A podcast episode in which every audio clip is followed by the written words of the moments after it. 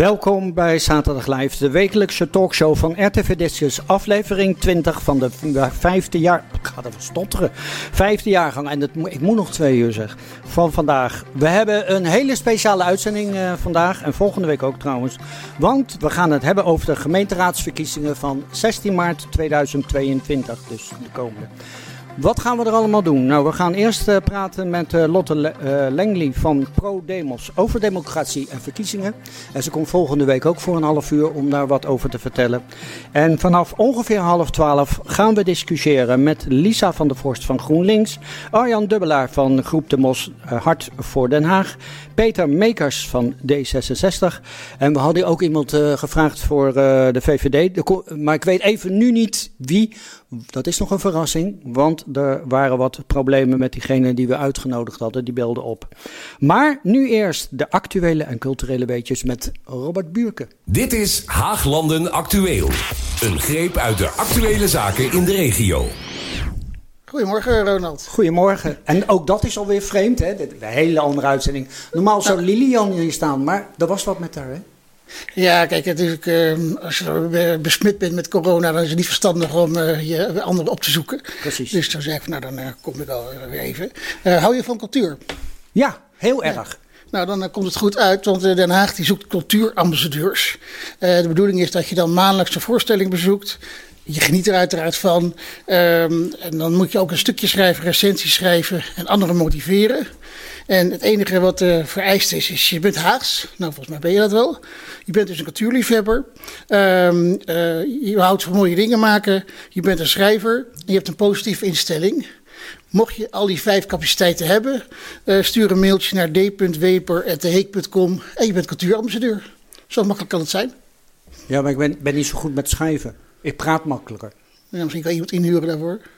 Maar... Oh ja, oh, ik weet nog wel iemand. Ja. en uh, nee, je bent natuurlijk uh, heel actueel natuurlijk, hè, dat je het vandaag over de gemeenteraadsverkiezingen gaat. Want uh, gisteren zijn de, de verkiezingslijsten vastgesteld. Ja. En um, nou, toch nog een weetje, ik weet niet of je het al weet, maar Janice Roopram, natuurlijk van voormalig Groep de Mos, ja. die heeft haar eigen partij gelanceerd. Ja. Lijst 16, Zet Den Haag op 1. Ik vond het grappig, je bent lijst 16, maar je wil op meteen naar, naar 1. Dus, uh, die komt nou, dan heeft ze nog wat te doen. Ja. Dan heeft ze tot 14 maart de tijd, hè? Ja. Um, ja, heb je um, uh, kinderen? Nee. En, uh, nou, misschien anderen, de kijkers misschien wel. Uh, kinderen tussen 4 en 12. Uh, dan kan je iedere woensdagmiddag naar Theater de Variant. Daar heb je de Early Bird toneelles. Dus daar kunnen kinderen kennis maken met alle facetten van toneel. Leuk. Of je kan ook zeggen van wil je een keer een vrije woensdagmiddag. Dan stuur ze gewoon daarheen. En zij vermaken zich. Jij hebt een vrije middag. Het is gratis en het is vanaf 1 uur. Oké, okay. nou zo wat voor mijn achterneefje denk Ja. ik. Ja. En uh, ja, vorige week hadden we natuurlijk over het februari festival in, uh, van, uh, van Amare in, in de Grote Kerk. Ja. Iedere vrijdag en dit jaar, deze vrijdag ook, 11 februari, is er een gratis lunchconcert. Ik heb een beetje de, de gratis tour, dat is altijd prettig in deze moeilijke maanden. Ja. Het heet Kleurrijke Klanken en het is vrijdag 11 februari om half 1 in Amare. Dus hou je van muziek, ja. dan kan je gratis naar, naar, naar luisteren. We hebben natuurlijk vorig jaar ook wel eens uh, gehad over de waardering voor jonge mantelzorgers. Hè, Ja. Eens de wens overlaat. Nou, of het door onze uitzendingen komt, weet ik niet. Maar in ieder geval, uh, er is een sterke groei in waarderingsaanvragen voor mantelzorgers. Want waar het in 2020 nog zo'n 2500 aanvragen was. Want je kan een cadeaubon aanvragen als je mantelzorger bent. Dat waren vorig jaar al uh, bijna 5000. Dus bijna verdubbeling. Dus ik denk, de gemeente is blij met onze uitzending dat wij daar aandacht aan besteed hebben. Um, dan is ook nog volgende week zaterdagmiddag, uh, dat doen ze meerdere keren in het Zeehelle Theater, is er een uh, nieuw French Touch. Dus dat is een, uh, alles wat met de jazz te maken heeft. Dus ik weet niet of je van jazz houdt, maar...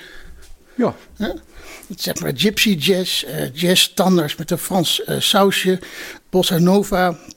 Um, en het is voor 55 plus. Ik ken je leeftijd niet, maar wellicht val je in de doelgroep. Weet ik niet. Nee, okay, nou, voor 55 plus. Prijzen zijn 12,50 euro, maar met de ooievaarspas is het 6,25 euro. Dus uh, dan heb je de hele middag, uh, kan je genieten van jazz. Ja, en dan als laatste, dat vind ik altijd leuk, eh, ontdek je plekje. Want uh, uh, allerlei plekjes in de stad, die ken je eigenlijk helemaal niet.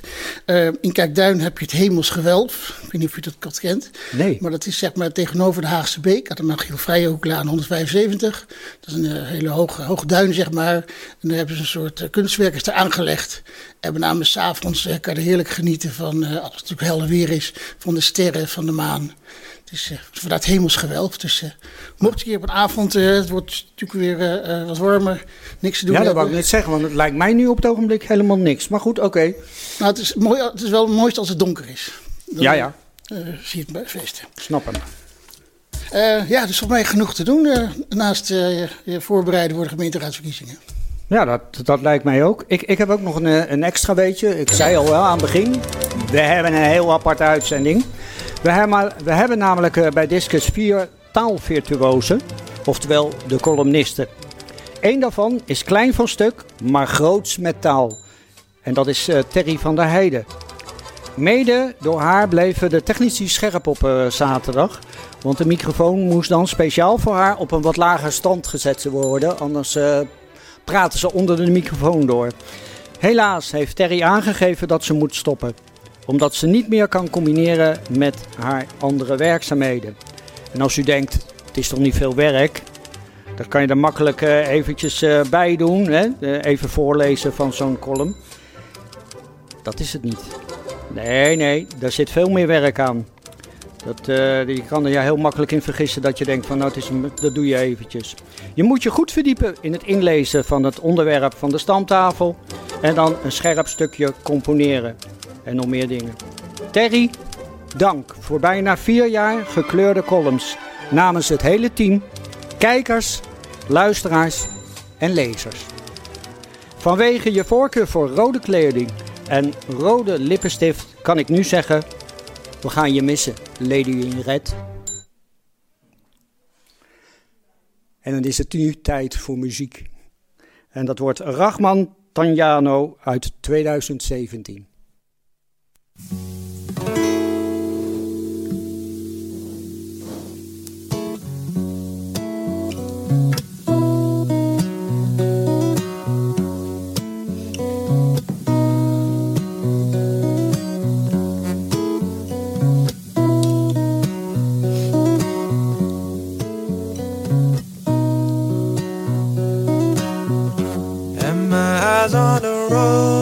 Was looking for gold eyes are blinded by morning sun. Broken bottles and trophies before the day had even begun. No living soul that surrounded me as cities seemed to collapse. Oh, I've been tracing my own steps back that I never had. Oh, I can't find the words, all the lines seem to blur, and my hands don't seem to grasp. And I'm down on my knees, Lord, begging you, please take me back from where I stand. I'm a stranger in a desert. I'm a king without a crown. Looking for an answer. I'm nowhere to be found.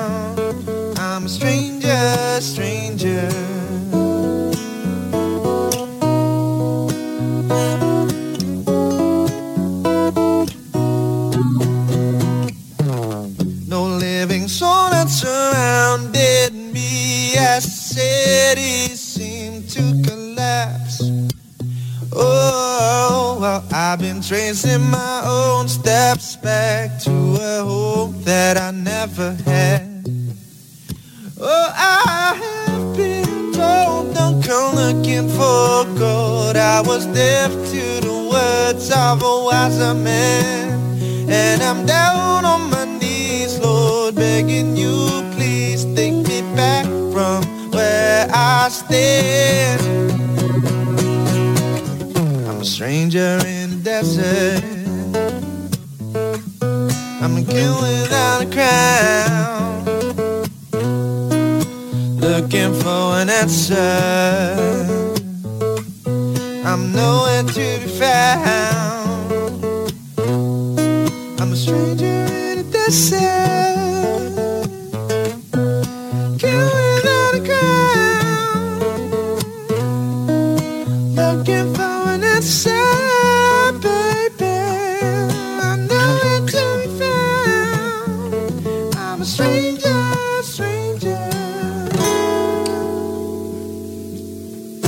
Is Haaglanden Actueel. Een greep uit de actuele zaken in de regio. En dat was dan de eerste muziek, had u ook al in de gaten natuurlijk. Had ik nog niet helemaal verteld. Maar eh, vanwege corona geen live artiesten. Maar we hebben nog genoeg in de, in de PC staan. Dus oude opnames die we dan weer hergebruiken. Want ja, alles moet een beetje veilig gebruiken. Nou goed, we gaan het hebben over eh, democratie en eh, verkiezingen. En we hebben iemand eh, gevraagd. En dat is Lotte Langley van ProDemos. Wie is Lotte? Ja, nou, ik ben inderdaad Lotte. Ik werk bij ProDemos. ehm, en daar geef ik eigenlijk vooral heel veel rondleidingen aan mensen. ehm, waar ik vertel over de democratie, over de rechtsstaat. Nu natuurlijk over de verkiezingen is daar heel veel interesse in. ehm, en eh, op die manier proberen we mensen wat eh, te leren, wat bij te brengen over eh, de politiek. Ja, en straks zijn de gemeenteraadsverkiezingen. Volgende week ben je er ook nog om wat meer te vertellen over wat gemeenteraadsverkiezingen zijn. Wat, maar verkiezingen in het algemeen, wat, wat is dat? Waar heeft dat mee te maken? Ja, verkiezingen zijn eigenlijk het moment dat je mag laten horen wat jouw mening is. Het is natuurlijk, in Nederland hebben we zoveel mensen dat het bijna onmogelijk is om iedereen over van alles te vragen wat ze ervan vinden. Ehm, maar daarom hebben we het systeem van verkiezingen en kan je voor de gemeenteraad bijvoorbeeld één keer in de vier jaar stemmen op de persoon die dan eh, jouw mening gaat vertegenwoordigen eh, in Nederland of in Den Haag. Eh, en op die manier hoop je toch een beetje invloed te hebben op de politiek, op de beslissingen die in Nederland gemaakt worden. Ja. Betekent dat dat het ultieme moment is van de democratie? Is dat wat democratie is? Ja, eigenlijk wel. Ja, dit is het moment dat je kan zelf invloed kan hebben en zelf kan laten horen wat vind jij belangrijk ehm, en wie vind jij dat eh, in Nederland ehm, ja, de baas moet zijn. Ja. Wat, eh, zijn er altijd verkiezingen geweest in Nederland? Ja, ehm, eigenlijk wel. Ja, sinds wij gewoon een democratie zijn. Het is echt een typisch iets van een democratie. Dat je mag kiezen wie jou vertegenwoordigt. Ehm, en dat er dus niet zomaar een koning aan het hoofd staat die, ehm, die alle beslissingen voor het land maakt. En eh, hoeveel verkiezingen zijn er in Nederland? Weet je dat ook? Ja, nou, we hebben de gemeenteraad, die komt er nu natuurlijk aan. Misschien weet je nog wel, vorig jaar de Tweede Kamerverkiezingen hebben we. Ehm, dan zijn er nog verkiezingen voor de provinciale staten, dus voor de provinciën. Die hebben weer andere bevoegdheden, die kunnen weer andere dingen doen. De waterschappen, eh zijn er ook nog verkiezingen van. En dan hebben we ook nog de Europese Unie, dus eh, de verkiezingen voor Europa. Dus eh, dan komen we uit op vijf, geloof ik. Ja. En allemaal even belangrijk, denk ik. Ja, op in hun principe. eigen manier.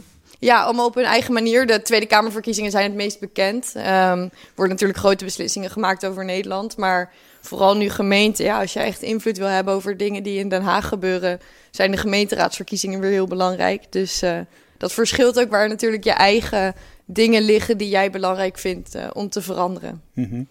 Eh, de provinciale staten, tenminste, dat, dat heb ik een beetje het gevoel, is bij een hele hoop mensen wat minder bekend. Ja. Maar toch is het eigenlijk super belangrijk om te gaan stemmen. Ja, nou ja, ook Vanwege de koppeling met de Eerste Kamer. Hoe zit dat ja, in? klopt. Leg Ja, eens uit, hoe de dat? provinciale staten hebben natuurlijk ook sowieso zelf een soort van macht. Die eh, beslissen bijvoorbeeld in je provincie over ehm, infrastructuur, dus over wegen, spoorwegen, dat soort dingen. Ehm, maar inderdaad, de provinciale staten, de leden die wij kiezen voor de provinciale staten, die mogen weer de leden van de Eerste Kamer kiezen. Ehm, en dus eigenlijk is het altijd zo dat de uitslag van de provinciale statenverkiezingen is automatisch hoe de ehm, Eerste Kamer er ook uit gaat zien. Want dat gebeurt twee maanden daarna. Stemmen die provinciale statenleden over ehm, de Eerste Kamer. Dus dat noemen ze indirecte verkiezingen. Want wij kiezen dus niet zelf de leden die in de Eerste Kamer zitten. Maar door te stemmen voor de provinciale staten stemmen we eigenlijk gewoon voor die Eerste Kamerleden. Ja. En daar zat ook nog iets van een soort van balans in, hè? Dat eh, eh, vanwege eh, de bevolkingsdichtheid, dat bijvoorbeeld uh, leden van provincie Zuid-Holland zwaarder meetellen dan Gelderland of Groningen, omdat dat dunner bevolkt is. Was dat niet zo of weet je dat niet? Ik geloof dat daar inderdaad wel iets van een rekensom in zit, maar dat zit hem vooral al in dat die. Ehm, geloof ik gewoon, die provinciale staten zijn al groter. Er zitten gewoon, zoals nu bij ons in de gemeenteraad in Den Haag, is een stuk groter. Um, zitten een stuk meer zetels dan uh, in de gemeenteraad in een kleinere stad. Oké. We gaan straks er even op uh, doorvragen uh, en praten over die verkiezingen en democratie. Gaan we eerst even luisteren naar Hanneke Laura en het is een opname uit april 2017.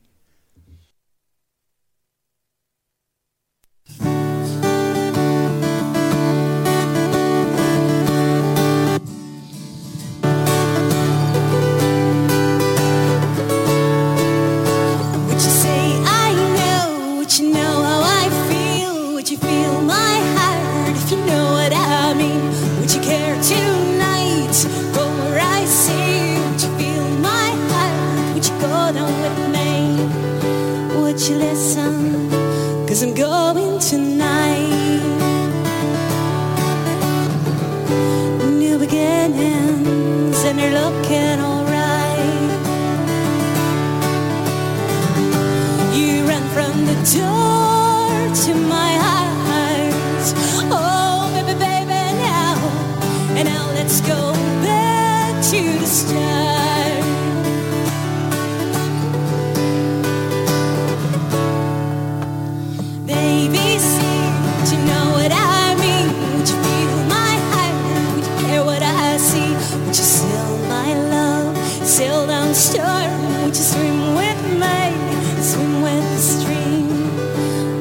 Listen, cause I'm going tonight.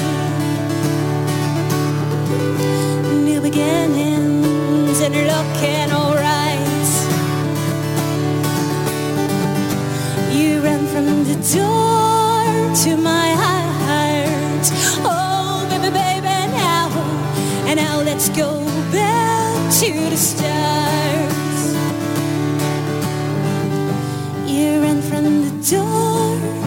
To my eyes. Oh yeah, yeah, yeah.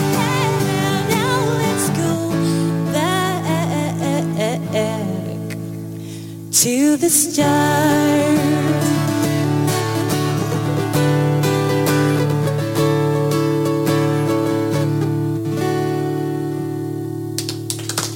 Dit is Haaglanden Actueel. Een greep uit de actuele zaken in de regio. Dat was nog wel even leuk. Zag ik uh, oude beelden van de, van de oude studio. Waar we hiervoor uh, zaten, een aantal jaren geleden alweer. Maar dat terzijde. Uh, we gaan het nog weer hebben dus over die verkiezingen en democratie. En onder de muziek hadden we het al even over. Lotte, ik ben het met al die dingen helemaal niet eens wat er nou gebeurt. Al die politieke partijen, het, het, het zit er gewoon voor mij niet bij. Weet je wat? Ik ga gewoon zelf maar een partij oprichten. Wat moet ik dan doen? Ja, nou dat gebeurt uh, vaker. Want je ziet op dit moment uh, zijn er voor de aankomende verkiezingen in Den Haag zijn er 21 uh, verschillende partijen die meedoen. Nou, ik ga er niet vanuit dat die allemaal in de gemeenteraad gaan komen. Um, dus er zijn zeker een aantal mensen ook geweest die precies hetzelfde dachten. Um, het eerste wat je moet gaan doen is natuurlijk bekendheid krijgen. Zorgen dat er mensen op je lijst komen van een partij. Um, en dan kan je partij gaan inschrijven bij de kiesraad, heet dat die regelen eigenlijk alles rondom uh, de politieke partijen. Um, en als je daar ingeschreven staat, um, dan moet je ook nog een aantal ondersteuningen krijgen. Dus mensen die een handtekening zetten om te laten blijken: hey, dit lijkt me een goed idee. Um, zodat het ook zo is dat je partij geval een paar stemmen ontvangt. Anders is die moeite echt voor niks. Ook nog een grote borgsom betalen, dus een som geld. Die krijg je terug op het moment dat je een bepaald aantal stemmen hebt gehaald. Zodat niet iedereen die denkt: Nou, ik heb een leuk idee, ik ga het maar oprichten uh, dat zomaar doet, maar echt dat je het wel doet met het idee: ik hoop dat ik aan stemmen kom en ik hoop dat ik een zetel haal. Um, en dan kan je in principe gewoon op die lijst komen. Uh, dat zie je ook wel eens dat je soms denkt: nou, er staan partijen op die, die maken geen kans op een zetel, maar die vonden het gewoon heel leuk om daar even met hun naam op te staan. Vooral voor de Tweede Kamerverkiezing. Ja, dan ga je mee op je stembiljet natuurlijk het hele land door. Ja. Uh, maakt het nog verschil uit voor welke verkiezingen je je in gaat schrijven? Ja, dat, dat, daar zit een bepaalde tijd tussen bij de kiesraad, denk ik, voordat die verkiezingen er zijn. Maar uh, uh, de procedure is voor allemaal hetzelfde, of je weet? Ja, nou, het is zo dat je bijvoorbeeld voor landelijk moet je um, in verschillende gemeentes, verschillende kieskringen, zoals dat heet, um, handtekeningen verzamelen. Nou, in Den Haag, als wij in Den Haag een partij op wil richten voor de gemeenteraad, dan hoef je echt geen stemmen te hebben en geen handtekeningen te hebben uit Amsterdam. Dus nee, op dat die lijkt manier me ook niet handig. Natuurlijk, ja, precies. Dus uh, op ja. die manier is het natuurlijk een veel kleinere schaal. En, um, ja, heb makkelijker je, te doen. Ja, zijn de eisen gewoon natuurlijk iets lager. Ook omdat we hier minder stemmen kunnen verzamelen. Ze kunnen moeilijk zeggen: je moet hier duizend handtekeningen uit Den Haag halen. Terwijl je voor de landelijke verkiezingen maar duizend uh, handtekeningen uit heel Nederland moet halen. Duidelijk. Dat, uh, duidelijk. Ja. Uh, wat is het belang uh, uh, voor, van, van de verkiezingen? Want ja, iedereen roept altijd, ja, ik, ik vind eigenlijk maar niks. Maar het, het is toch super belangrijk, denk ik, dat je gaat. Ja, het is in principe echt heel belangrijk om te gaan stemmen. Vooral omdat dit het moment is dat je echt ehm, je mening kan laten horen en zeggen wat je voor de stad wil. in plaats van gewoon gaan roepen of brieven schrijven of wat dan ook. Kan ook allemaal heel nuttig zijn tussen het jaar door. Maar als jij nou een verkiezingsplan leest en denkt: hier wil ik met mijn stad naartoe.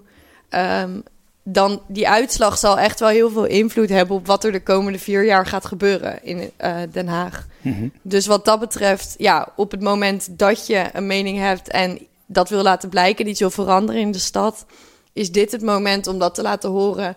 Uh, en dat is ook dan vanaf uh, over een paar maanden terug te zien in die gemeenteraad.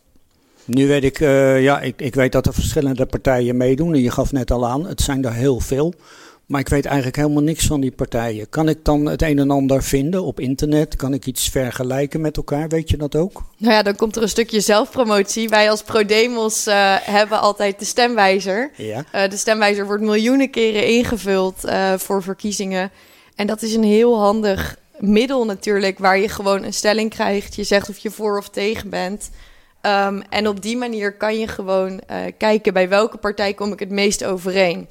We zeggen wel altijd, we raden niet aan om dan klakkeloos meteen daarop te stemmen. Maar dan zie je bijvoorbeeld een top 3 en dan denk je, nou dan kan ik me daar iets beter in verdiepen. En daar kijken of ik er echt achter sta. Um, en die komen als het goed is volgende week of de week daarna, uh, ergens half februari, komt die online, ook voor Den Haag. Uh, dus daar zijn dan gewoon 30 stellingen waar je voor of tegen stemt. En op die manier weet je waar jij een beetje zit. Uh, en hoef je dus niet meer uit 21 partijen al die verkiezingsprogramma's van 50 bladzijden te lezen. Prima, kijk, ja. dat is nog eens een mooie. Nou, volgende week uh, ben je er weer. Dan gaan we, uh, ga je met Rob daar verder op in over die gemeenteraadsverkiezingen. Dank voor dit moment en regio nieuws. Is het regio nieuws? Aan de gemeenteraadsverkiezingen in maart doen in Den Haag 21 partijen mee. Het Centraal Stembureau stelde vrijdag de kandidatenlijsten vast. De eerste 12 lijsten zijn op basis van het aantal stemmen gerangschikt. Zo kreeg Hart voor Den Haag Groep de Mos bij de laatste verkiezingen het meeste aantal stemmen en daarna de VVD. De lijstnummers 13 tot en met 21 zijn geoordeeld op basis van loting. De voorzitter van het Centraal Stembureau, Jan van Zanen, noemde de namen van deelnemende lijsten op. Vervolgens trok plaatsvervangend voorzitter Herman Cenk Willink de nummers. Zo kreeg Denk lijst 15, het opgestapte Hart voor Den Haag raadslid Janis Roopram lijst 16. De partij Haags Belang van de geroeieerde Denk-lijsttrekker lijst 17 en Forum voor Democratie lijst 19. In totaal hadden zich 23 partijen voor de verkiezing aangemeld, maar bij twee partijen bleken de lijsten niet in orde. Deze zijn ongeldig verklaard en kunnen dus niet meedoen aan de verkiezingen. Het gaat om de partij Sociaal Cultureel Centrum, PSCC, en de lijst van Erwin Lensing. Als enige maakt hij bezwaar tegen het feit dat hij helaas niet in orde zou zijn. Volgens hem wordt er tegengewerkt en monddood gemaakt. Gerry de Kraai, het kunstwerk langs de Prinsessengracht, is deze week verplaatst vanwege de werkzaamheden voor de nieuwe haven. Vanaf deze maand wordt de haven aangelegd. Verwacht wordt dat de werkzaamheden zo'n zes maanden duren. De haven is bedoeld voor kleine boten als een sloep, kano of roetboot. Het transformatiehuisje moet een informatiepunt voor bezoekers worden. De gemeente wilde al langere tijd een haven bij het Centraal Daarmee moet duidelijk worden dat varen bij de stad Haag hoort. De historische plek moet weer het karakter krijgen van de vroegere bosjesloot, al dus de gemeente. Inmiddels is ook het definitieve ontwerp van de haven bekend. Inwoners konden acht weken het voorlopige ontwerp bekijken. In die periode zijn er geen bezwaren binnengekomen. Dat betekent dat het idee nu is uitgewerkt tot een definitief ontwerp.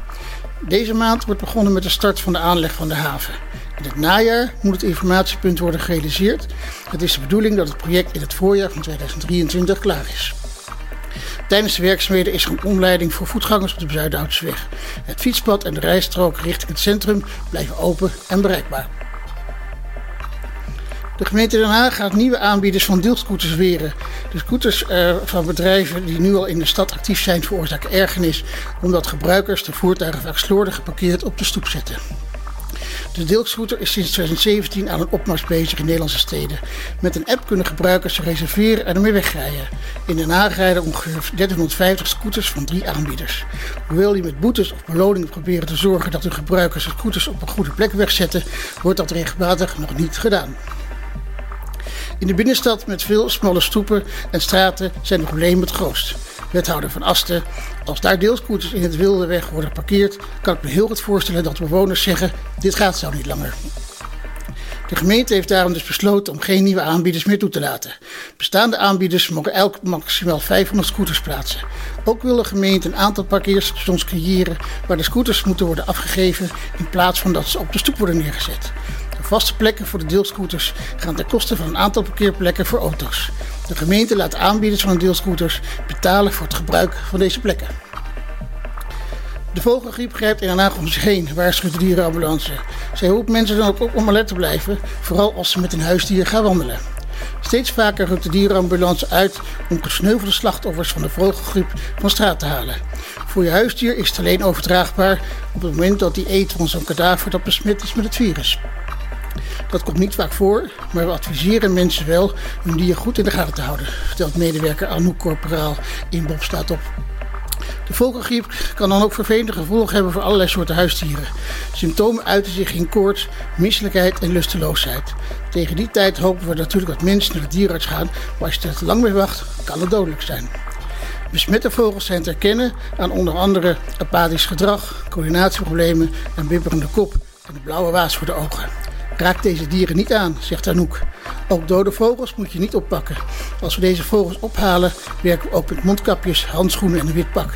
Het hele mikmak om te zorgen dat we hygiënisch te werk gaan. Alleen incidenteel raken mensen besmet met de vogelgroep, geeft Anouk aan. Dat hebben, we niet, eh, dat hebben niet medewerkers gelukkig nog nooit meegemaakt. Maar technisch gezien kan het. Dus daarom gaan we ook voorzichtig te werk. De dierenambulance roept mensen op te bellen bij het treffen van een dode vogel, zodat deze kan worden weggehaald. Tot zover het regionieuws. En dan gaan we naar het optreden van, uh, uh, uit 2017 van David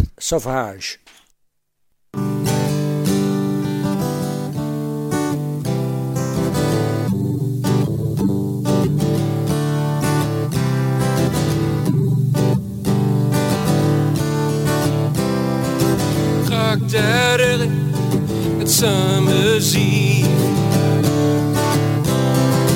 Went straight home to my baby. I walked in, heard voices upstairs. Jack was off, skin was bare. That's where all moon shone See his hands over skin. I know, I know, there's blood on my hand. I ain't asking you to understand if I may say this in my defense. My better angels never stood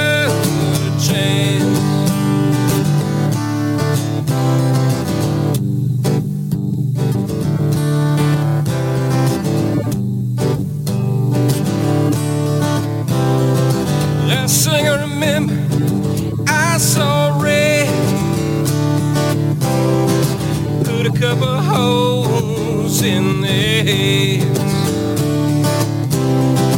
I called the car, said it wasn't my plan. Most people say I'm a gentleman.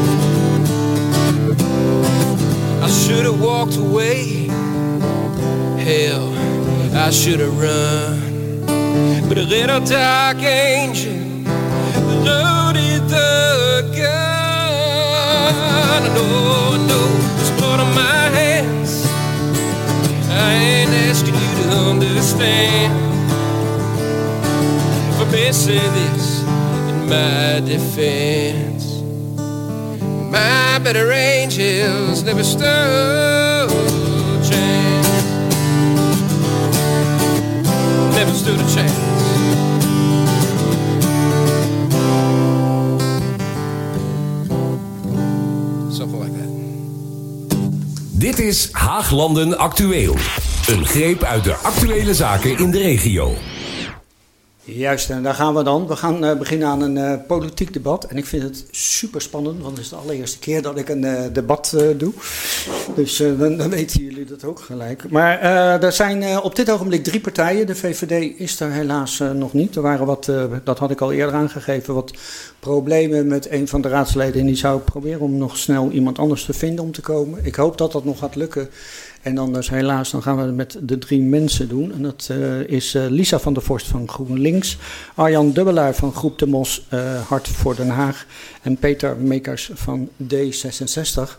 En we gaan eerst even een rondje voorstellen, zodat we weten met wie hebben we nu eigenlijk te doen en op welke plaats staan er. En ik, dames eerst dus Lisa van GroenLinks. Wie is Lisa van der Vorst?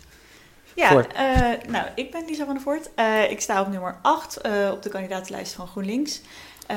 Ik woon nu zo'n vijf jaar in Den Haag. En eigenlijk wat ik tot nu toe zie in Den Haag is dat het zo'n ontzettend verdeelde stad is. En dat het echt zo uitmaakt in welke wijk je geboren wordt, voor ja, welke kansen je krijgt, welke mogelijkheden je hebt in je leven. En dat is nou, wat mij betreft echt onacceptabel en iets waar ik me graag voor wil inzetten in de gemeenteraad. Eh, dus gelijke kansen voor iedereen. En ik, eh, ik wil me daarnaast heel graag in de gemeentepolitiek inzetten, omdat we nou ja, gezien hebben dat vertrouwen in de overheid eh, echt gedaald is de laatste tijd. En ik denk dat we juist lokaal daar heel erg iets aan kunnen doen door samen met mensen in de stad beleid te maken, door goed te luisteren naar mensen in verschillende wijken. Eh, en om die eh, perspectieven ook echt te betrekken. Dus niet alleen maar op het eh, stadhuis met elkaar praten, maar juist, juist daarbuiten. Oké. Is het voor de eerste keer dat je in de politiek gaat of helemaal nieuw, nog nooit in een gemeenteraad of iets dergelijks gezeten? Nee, nee, nog nooit in de gemeenteraad gezeten. Wel wat langer binnen GroenLinks eh, actief. Maar dit is de eerste keer dat ik echt zelf op een verkiesbare plek sta. En, eh, Oké. Ja, Spannend ook dus. ja, zeker. Ga ik eh, naar, de, naar de overkant, naar eh, Peter Mekers van D66. Wie is eh, Peter Mekers?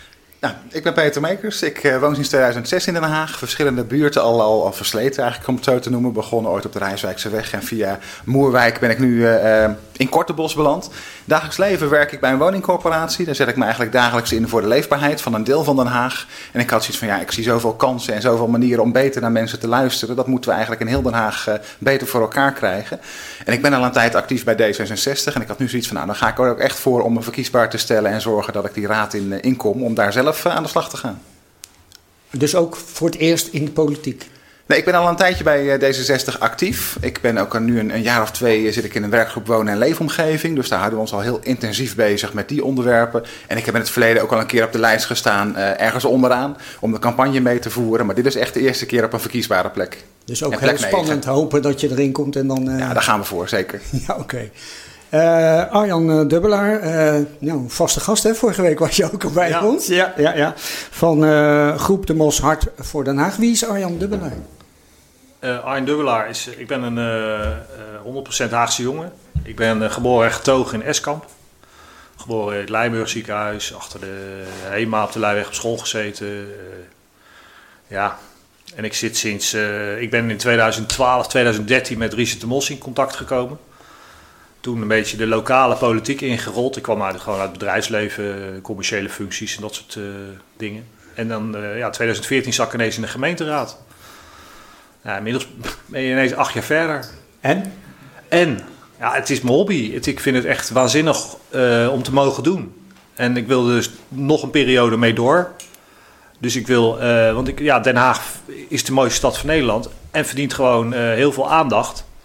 Dus ik vind de verkiezingen vind ik altijd heel leuk. Een mooie tijd, zeg maar, met heel veel eh, enthousiaste mensen en eh, ook van andere partijen. Dus ja, eh, Ja. het zien. Eh, mooie tijd komt eraan. En, en, eh, ja, en de 16 maart mag, mag iedereen weer naar de stembus. Ga stemmen, want het is echt heel belangrijk. Zeker in Eskamp, eh, in bepaalde wijken, daar blijft gewoon de, ja, hoe zeg ik dat, de opkomst een beetje achter. Dat vind ik jammer, want dat is het moment dat je invloed hebt. En, en, en ga stemmen. Dat, daarvoor hadden we net ook eh, Lot, eh, misschien hebben jullie er een gedeelte van gehoord. Hè? Ja. Dus echt, volgende week is er er ook weer echt, ja precies, om te vertellen van wat nou de, dat belang is van stemmen en het hoe en het waarom en de democratie. Maar sta, oh, welke plek sta, sta Oh je? ja, ik sta op plek 4 dit Vier, keer. ja. ik ben eh 2014 stond ik op plek 3, 2018 plek 5 en nu mag ik de lijst op plek 4. Ja. Ik vind plek, ja, ik, ik wilde een, graag een verkiesbare plek. Ik heb de afgelopen vier jaar natuurlijk in de raad gezeten, eh, fractievoorzitter geweest voor mijn club. Eh, ik denk dat ik mijn werk goed gedaan heb. En dat is eh, beloond met een, eh, met een plek 4. En ik ga ervan uit dat ik daarmee door mag. Eh, want wij rekenen op ja, 14, 15 zetels. Als je de peilingen een beetje mag geloven. Ja, daar gaan we voor. Want Den Haag heeft de frisse wind van Hart van Haag op de Mos nodig. Oké, nou, dat, daar gaan we het straks nog wel uitgebreid over hebben. Oh, ik heb hier de stoppers. Kijk, het staat echt op twee minuten dat jullie kijk. dat zien. Zie je? Ja? Dat, ik, en ik ga daar niet aan veranderen, alleen maar de start- en de stopknop eh, indrukken. En ik ga dus nu de eerste stelling eh, deponeren. We gaan het over twee dingen hebben. De, een paar keer over wat over wonen en over werk. Dat zijn twee belangrijke pijlers eh, voor, voor mensen. Ehm, eh, de eerste stelling die ik wil deponeren van is van Den Haag is gewoon vol. We kunnen niks meer bouwen. En ik begin bij Lisa. Ja, dankjewel. Nou, Den Haag is gewoon vol, daar ben ik het absoluut niet mee eens. Ik denk wel dat de wooncrisis misschien wel het probleem is waar we de komende vier jaar eh, in de Raad aan zouden moeten gaan werken. Ehm, maar dat kan op heel veel verschillende manieren. Eh, ik denk dat het belangrijk is om te zeggen dat de wooncrisis niet zomaar is ontstaan. En ook niet is ontstaan omdat er meer mensen bijgekomen zijn. De wooncrisis is ontstaan door minimaal tien jaar lang heel erg rechtsbeleid. Uh, en dat zit hem voor een deel natuurlijk op landelijk niveau. Uh, waar uh, nou, nu gelukkig wat kleine verbeterpuntjes zijn geïntroduceerd. Zoals bijvoorbeeld het mogelijk maken van de zelfbewoningsplicht. Maar een echte radicale verandering blijft nog uit. Uh, maar ook op, uh, op gemeenteniveau uh, moeten we echt aan de slag met die wooncrisis. dat kan voor een deel door meer woningen te bouwen, bijvoorbeeld door inzetten op woontorens in wijken die daarvoor geschikt zijn. daarbij is het voor GroenLinks wel heel belangrijk dat we niet als een kip zonder kop gaan bouwen, maar echt kijken naar wat past er in de wijken en hoe houden we die wijken ook leefbaar. En hoe zorgen we ervoor dat wonen ook echt voor iedereen is. Dus niet alleen maar uh, dure woningen bouwen. Niet alleen maar uh, uh, woningen in die, voor mensen die dat eigenlijk toch niet nodig hebben, maar echt wonen voor iedereen. en heel belangrijk daarbij is dat we zorgen dat de wijken ook gemengd zijn. Dus dat er in een wijk verschillende woningen zijn in verschillende segmenten. je ziet nu dat bijvoorbeeld veel oudere mensen eigenlijk in een groot huis wonen, omdat er ook niks betaalbaars is. Uh, in, hun, uh, in hun eigen wijk. En volgens mij kunnen we dat voorkomen door uh, in te zetten op gemengde wijken waar iedereen fijn kan wonen. Oké, okay, nou je, je, had nog 10 seconden over, maar goed. Dat... nou ja, ja, beter zo is dat je tekort komt, denk ik dan. zo. Kijk, nu is die. Kijk, zie je? Dan gaan we nu naar Arjan. Ronald. Ja. ja. Nou, dezelfde stelling. Dezelfde stelling. Ja. Of Den Haag uh, vol, vol is. Ja. ja. Nou ja, Den Haag raakt wel vol, ja. De, sterker nog, dat, uh, want dat roepen wij nou al een aantal jaren. Uh, want je ziet gewoon dat, ja, dat wachtlijsten enorm toenemen. Ik bedoel, toen ik in de raad kwam in 2014 was de wachttijd gemiddeld tussen de 7 en de 8 jaar voor een, voor een betaalbare huurwoning hè, via een woningcorporatie. En inmiddels is dat eh 14 tot 15 jaar. En dat komt ergens door omdat er enorme toestroom is van mensen naar deze stad. Even los van de achtergronden van die mensen. Maar het feit is dat Haag groeit als een raket. En dat de voorzieningen daar echt heel erg eh, bij achterblijven. Eh, nou, wij vinden dat je die bevolkingsgroei van deze stad op een bepaalde manier zou moeten reguleren. Eh, dat kan ook, denk ik. Eh, want je zou bijvoorbeeld afspraken kunnen maken met de Rijksoverheid. Nou ja, en aan de andere zijde, los van die regulering zeg maar, van die bevolkingsgroei, vinden wij wel dat er gebouwd moet worden. Want je wil ook de mensen die in deze stad wonen, al in deze stad wonen, een fatsoenlijke woning eh, bieden. Dus dat betekent dat er de komende jaren gewoon gebouwd moet worden. Daarom is wonen eh, hoofdstuk 1 in ons verkiezingsprogramma. Wij trekken daar ook heel veel geld voor uit. Als je naar onze financiële paragraaf kijkt, reserveren reserveren wij daar meer dan 200 miljoen voor. Nou, om te kunnen bouwen in bepaalde wijken. Nou, waar ga je dat doen? Daar moet je goed naar kijken. Dat moet in overleg met bewoners. En dan moeten de voorzieningen ook op een goed niveau komen. Dus stellen wij de LER verplicht. De LER, dat is de leefbaarheidseffectrapportage. Dan ga je kijken in een wijk. Als ik daar ga bouwen, welke voorzieningen komen dan onder een bepaald minimum? Eh, dan heb je dat in beeld en dan kan je daar wat aan doen. Dus voordat je gaat bouwen in een wijk, maak je dat eerst inzichtelijk. Nou, en dan heb je bepaalde plekken in deze stad waar je nog eh, kan bouwen. Dus aan de ene kant zorgen dat de bevolking groei eh, niet uit de hand loopt. Sorry. Ja, ik, ik zit een beetje met het alarmpje in mijn hoofd. Ik denk, daar komt hij, daar komt hij, ja. Goed, eh, Peter. Jij dus. Dezelfde stelling, ja. Ja. Den Haag is wat D66 betreft eh, niet vol. Het is inderdaad wel even passen en meten waar is er ruimte en hoe kunnen we de ruimte ook slim gebruiken. En we willen niet eh, met z'n allen in het groen gaan bouwen, want dat hebben we nodig als, eh, als Hagenaars en Hagenezen. Maar er zijn wel plekken waar, waar potentie is. en dan ja, denk out of the box. Ehm, bijvoorbeeld boven de sporen bij Centraal Station. Waarom zou je daar niet bovenop kunnen gaan bouwen? Waar- Daar is ruimte te vinden. Er zijn ook kantoorgebouwen die nu leeg staan of die al een tijd leeg staan. Ja, zorgen ervoor dat we daar wat tempo kunnen maken om daar woningen te, eh, te realiseren. Ehm, en er wordt net ook al voorzieningen aangehaald. Ja, als er dan een gigantisch plan is, bijvoorbeeld zoals hier de Gaarde, de Reven en Zichten, om daar woningen toe te voegen, zorg dan dat je in dezelfde tempo ook de, de voorzieningen erbij hebt. Want ja, wat heb je aan bijbouwen van woningen als er geen huisarts in de buurt is, of als er geen sportmogelijkheid in de buurt is, als er geen jeugdhonk is eh, om je te vertieven en eh, te vertoeven. En op het moment dat je eh, geen scholen hebt waar mensen op terecht kunnen. De scholen hier zijn bijvoorbeeld al druk. Ga je je woningen toevoegen, moet je ook daar aandacht voor hebben. Dus er is ruimte om woningen toe te voegen. Sommige plekken verdichten. En ja, mijn punt daarin is ook: zorg dat je de bewoners goed eh, laat zeggen wat zij nodig hebben in een wijk, in een buurt. Neem dat op tijd mee. En niet op het moment dat een plan al vaststaat, nog een keer gaat vragen welke kleur moet het kozijn krijgen. Want ja, leuk om daarover mee te praten, maar dat zijn niet de echte vragen die je moet stellen. Dus er is ruimte. Daar moet je goed op letten wat je, doen, wat je doet. Je moet zuinig zijn op het groen en vooral creatief zijn om een oplossing te vinden.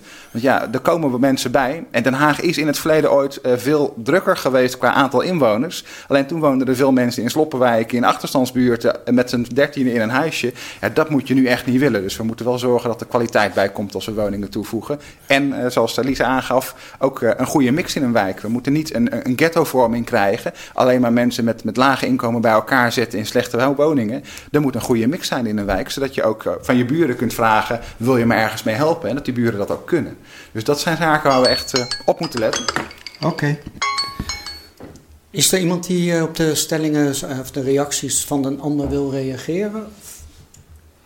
Nou ja, ik vind, het, ik, ik vind het onbegrijpelijk dat GroenLinks eigenlijk gewoon met droog over durft te beweren. eh, dat, dat Den Haag eh, nou ja, niet, niet vol is, maar niet vol raakt. Het is, het is echt druk geworden de afgelopen eh, tien jaar. En die, die groei gaat als een raket gewoon. We gaan naar de 600.000 en dan hoor ik Peter zeggen van ja, inderdaad, oh, we hebben ooit een keer 600.000 mensen in, in, Den in Den Haag gehad, maar toen woonden mensen zelfs in kelders. Dat zie je, die ontwikkeling zie je nu ook plaatsvinden. Want overbewoning is in bepaalde wijken van Den Haag echt een heel groot probleem. Gelukkig, daar gebeurt van alles aan. De pandbrigade is uitgebreid en dat zal in de toekomst eh, ook veel aandacht krijgen. Eh, maar je, je, je, aan de ene kant wil je iemand een fatsoenlijke woonomgeving bieden. Volgens mij, hè, het recht op een woning is, eh, is echt heel belangrijk. Volgens mij is dat de GroenLinks die dat dan uitstraalt. Maar aan de andere kant moet je ook gewoon zeggen... ja, we kunnen niet allemaal in Den Haag wonen. Dus, dus je moet daar ergens wel eh, beleid op maken. Nou, en, dat, en dan mis ik GroenLinks, zeg maar. Ja, en als ik, als ik dan. heel leuk dat je dit vertelt, eh, Arjen. Maar Als ik eh, op de website ga kijken naar jullie eh, programma, dan vind ik hem vrij kaal en leeg. Kaal en leeg, ons programma. Heb ik iets gemist? We hebben 167 pagina's volgeschreven. En misschien heb ik dan eh, de, de verkeerde pdf al gedownload van jullie website. Maar ja, wat, wat daar staat is, is vrij algemeen volgens mij. Maar jullie hebben wel inderdaad, nou zie ik daar een heel boek. Ja. We hebben een verkiezingsprogramma twee weken terug gepresenteerd. Deze stad verdient beter. Ja. Met eh, allerlei hoofdstukken. Het eerste hoofdstuk gaat over wonen. Eh, hoe wij, wat, welke mooie plannen wij hebben voor de komende vier jaar. En eh, ja, dit heeft toch wel heel veel aandacht gekregen, ehm, dacht ik. Maar als jij hem nog niet gehad hebt, ga ik zorgen dat hij jouw kant op komt. Want ik denk dat dit een heel mooi boekwerk is van mijn partij. eh, waarin wij bepaalde nou ja, punten willen aanpakken de komende jaren. Mhm. Nou, ja, je, je kan hem nu nog wel sturen, maar we hebben vandaag de discussie. Oh, eh, met alle respect, hè? Ja, ja. En ik vind het ook een beetje zonde van papier. Want ja, ik vind het heel leuk om dat hele boek door te lezen. Maar ik ga dat niet meer in een uitzending gebruiken, Nee. ben ik bang. Nee. Want dat is nu, en dat is dan een beetje, een beetje zonde. En dat, dat, dat wil ik jullie ook niet aandoen. Want het, het, het kost ook een hoop geld voor de partijen om zo'n boek te maken. klopt.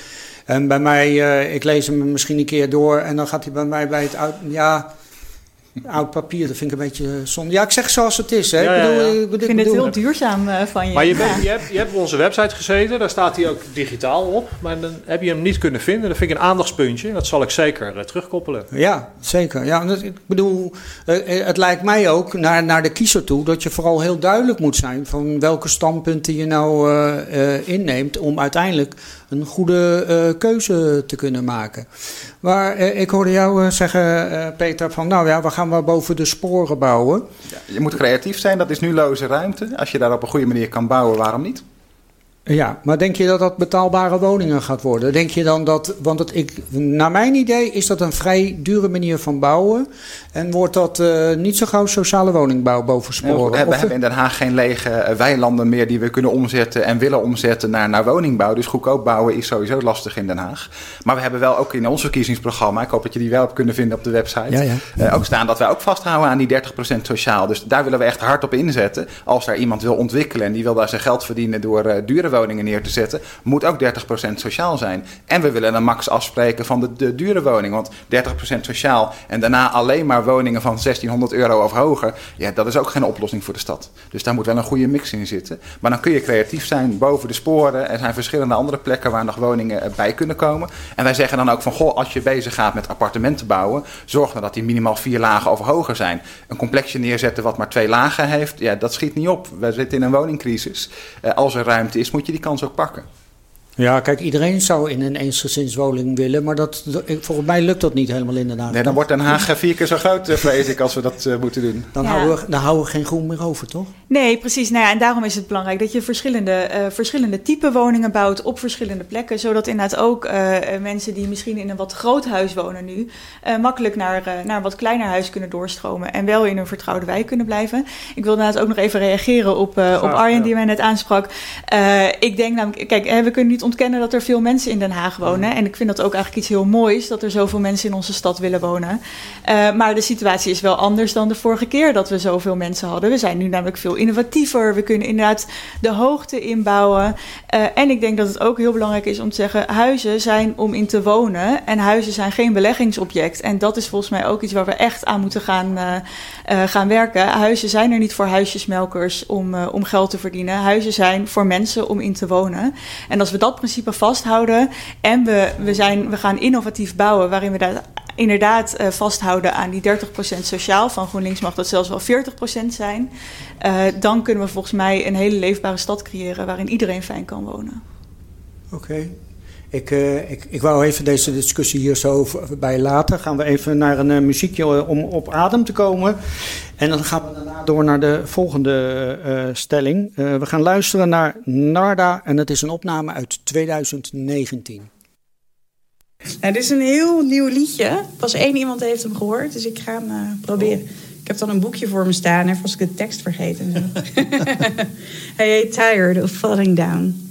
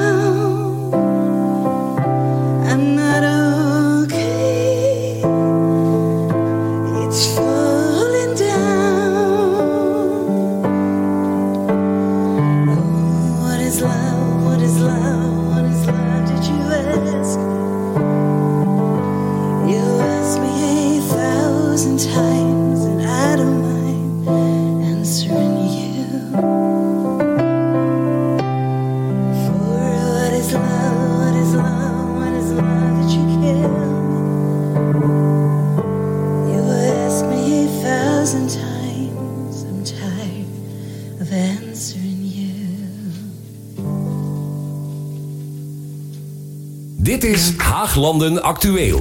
Een greep uit de actuele zaken in de regio.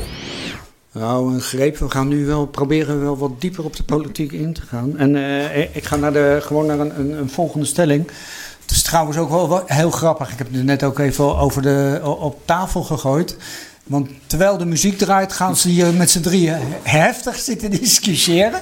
Terwijl het juist de bedoeling is om, om voor de camera's en met de microfoon open te discussiëren. Niet dat het erg is hoor. Het is, wel, het is ook wel eh, eh, leuk. Maar in ieder geval, er zijn wat dingetjes die, die verschillen. En dat, dat hoort ook zo. Hè. Dan valt er ook wat te kiezen voor de, voor, de, voor de bewoner van Den Haag. Dat er verschillen zijn. Maar goed. Eh, de volgende stelling over eh, wonen. Eh, hoogbouw is noodzakelijk voor voldoende nieuwe woningen. En ik begin nu bij Peter. Ja. In sommige wijken is hoogbouw echt eh, de oplossing om woningen toe te voegen. Dat klopt. Dus niet overal. Je moet niet in een woonwijk waar alleen eensgezinswoningen staat... in één keer een toren van, van 300 meter neer, neer willen zetten. Maar we hebben in Den Haag plekken aangewezen... rond de, de stations, eh, Hollandspoor, eh, Centraal Station, de Binkhorst... en ook in Zuidwest bepaalde delen... eh, waar hoogbouw kan plaatsvinden en waar je dat ook zou moeten doen. En dan zorg je ervoor dat er in de plint eh, goede voorzieningen komen. Dat je zorgt dat er voldoende, zei, voldoende scholen in de buurt zijn. Voldoende eh, sportvelden, voldoende natuur overblijft. En dan is daar best ruimte om, eh, om eh, 70 meter hoger en hoger te gaan bouwen daar. Zeker. Ja. Ja? Dus dat, dat, eh, ja, dat is een oplossing. En dat blijft nog steeds. Hè, die 30% sociaal zou je daar moeten willen toevoegen eh, in alle eh, projecten. En zorgen dat daar ook de Hagenezen terechtkomen. Dat je niet alleen bouwt voor, voor experts, maar dat voor iedereen een eerlijke toegang is. Den Haag moet open blijven voor iedereen. We gooien niet de deuren dicht. En dan heb je meer woningen nodig. Dus de hoogte in is een goede oplossing. Oké. Nou, hops. Dan gaan we naar Lisa. Ja, nou ja, ik denk, eh, we, kwamen er net ook al even over te spreken. Ik denk inderdaad ook dat, eh, dat hoogbouw één van de oplossingen kan zijn. Het is niet naïef om te denken dat daarmee de wooncrisis is opgelost. Dus er is meer nodig. Maar ik denk inderdaad dat, dat hoogbouw één van de oplossingen is. Ehm, daarbij belangrijk eh, dat je kijkt waar je dat doet. Ehm, ik denk inderdaad dat de buurt rondom de stations eh, daar best geschikt voor is. Eh, en dat in het andere wijken in Den Haag, ja, daar zou dat wat misplaatst zijn. Dus ik vind hierbij wel echt belangrijk dat we kijken naar waar we dat doen. Dat we daar goed over nadenken. En dat we ook ervoor zorgen dat, dit, eh, ehm, dat het goede, goede woningen worden. dat, dat Hagenezen daar fijn kunnen wonen. Ehm, en dat, eh, dat, die, eh, dat er goed rekening wordt gehouden met, eh, met de toegankelijkheid en van die woningen en toegankelijkheid van de woningen ten opzichte van de rest van de stad, zodat dat echt eh, eh, eh, woningen voor iedereen worden. Oké, duidelijk. En last but not least, eh, vandaag in deze stelling Arjen. Ja, Ronald. Ja, Hart van Haag is niet tegen hoogbouw. Ehm, behalve op het moment dat, we, dat het een kosten gaat voor groen of dat het aan de Haagse kust is. Eh, wij vinden daar die plek gewoon niet geschikt. Als je kijkt naar ons verkiezingsprogramma, daar staat daarin dat wij eh, hoogbouw willen en toon daarbij ook lef. Dat wil zeggen dat wij eh, zien dat het kan, inderdaad, rond die, rond stationslocaties. Nou, daar hoor je mijn politieke collega's ook over. Daar, is, daar gebeurt ook inderdaad ook van alles. En pak die kansen in Den Haag Zuidwest.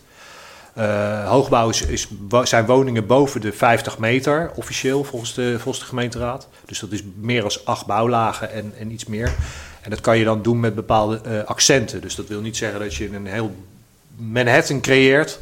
Maar je kan bepaalde hoekpunten kan je dus eh, wat hoger maken. Dan, mits de voorzieningen in die, in die buurt goed zijn. Ja, we hebben een aantal plekken in Zuidwest die gewoon moeten gebeuren. Als je kijkt naar de Venen bijvoorbeeld. Er ligt nu een plan dat uitgewerkt moet worden met de bewoners. Nou, die huizen ja, die verdienen gewoon aandacht. Die mensen die daar wonen, die wonen echt in oude huizen. En op het moment dat je daar dus iets gaat doen eh, langs die Loze Laan aan die, bij de Venen, dan kan je daar kijken om daar een hoogteaccent in terug te laten eh, brengen. Of in terug te brengen. Nou, en, en, en ook langs die stations rekening houden met die leefbaarheidseffectrapportage. Die, want wij vinden wel dat daar genoeg, eh, ja, eh, ik zeg het maar even raar, maar dat er genoeg wipkippen zijn voor kindjes die daar komen te wonen. Of dat daar ook parkeerplekken zijn. Want daar, daar verschillen we hier aan tafel dan wel over van mening. Ik gooi het maar gewoon in de groep. Kijk, Hart van den Haag is niet anti-auto. Eh, en je zal daar dus ook rekening mee moeten houden dat mensen die daar komen te wonen ook bezoek krijgen. En die, dat bezoek moet ook daar parkeren. Dus je kan niet eh lukraak bouwen in de stad en daar dan eh, voorzieningen wegschappen omdat je dat te kostbaar vindt. Dan moet je gewoon wel op je strepen blijven staan bij die bouwers. Ja, dat is, eh, dat is duidelijk. Eh, is er iemand die, eh, die wil... Oh. Ja, graag. Ja, dat mag. Ja, dat mag. Ja. Peter, zeg het maar. Ja, er wordt al aangegeven hè, het standpunt van, van, van automobilisten en er moeten voldoende parkeerplaatsen zijn. Maar Den Haag is al de stad waar ontzettend hoge autodichtheid is. Als je kijkt naar de grote steden, heeft Den Haag veruit de meeste auto's per inwoner. Ehm, en dat is iets waarvan we zeggen, ja, moet je dat willen? Moet iedereen een auto voor zijn deur hebben staan die 90% van de tijd stilstaat? Ik denk het niet. Wat ons betreft zet je meer in op, op, op voetgangers, op fietsers en op openbaar vervoer in Den Haag. Dat zorgt er ook voor dat er meer ruimte overblijft voor die wipkip. Dat je niet in één keer eh, drie lagen parkeergarage ergens moet realiseren, omdat iedereen per se een eigen auto voor de deur wil hebben. En dat is iets waar je elkaar wel in moet, eh, moet, vinden, maar je moet niet alleen maar ruim baan geven voor de, voor de auto. En wat ons betreft, voetgangers, fietsers, eh, die moeten ruim baan krijgen en het openbaar vervoer. En de auto moet pas echt in gebruik zijn op het moment dat je geen alternatief hebt. Dat is, dat is de wens daarin. En als je dan kijkt naar woonruimte, ja, elk huis een eigen parkeerplaats. Dat is eigenlijk met de, de schaarse ruimte die we hebben in Den Haag, is dat niet, eh, niet uit te leggen. Want dan moet je andere dingen opofferen. En dat, eh, ja, daar kies ik niet voor. Nee, maar eh, op die manier vraag ik me dan af of, of je dat soort huizen dan kwijt gaat raken. Want ik bedoel, je, op dit ogenblik eh, zie je gewoon landelijk dat iedereen toch min of meer een auto eh hebt. En ik, ik kan me er iets bij voorstellen dat je zegt voor de toekomst willen we gewoon minder auto's en minder autodruk in de stad.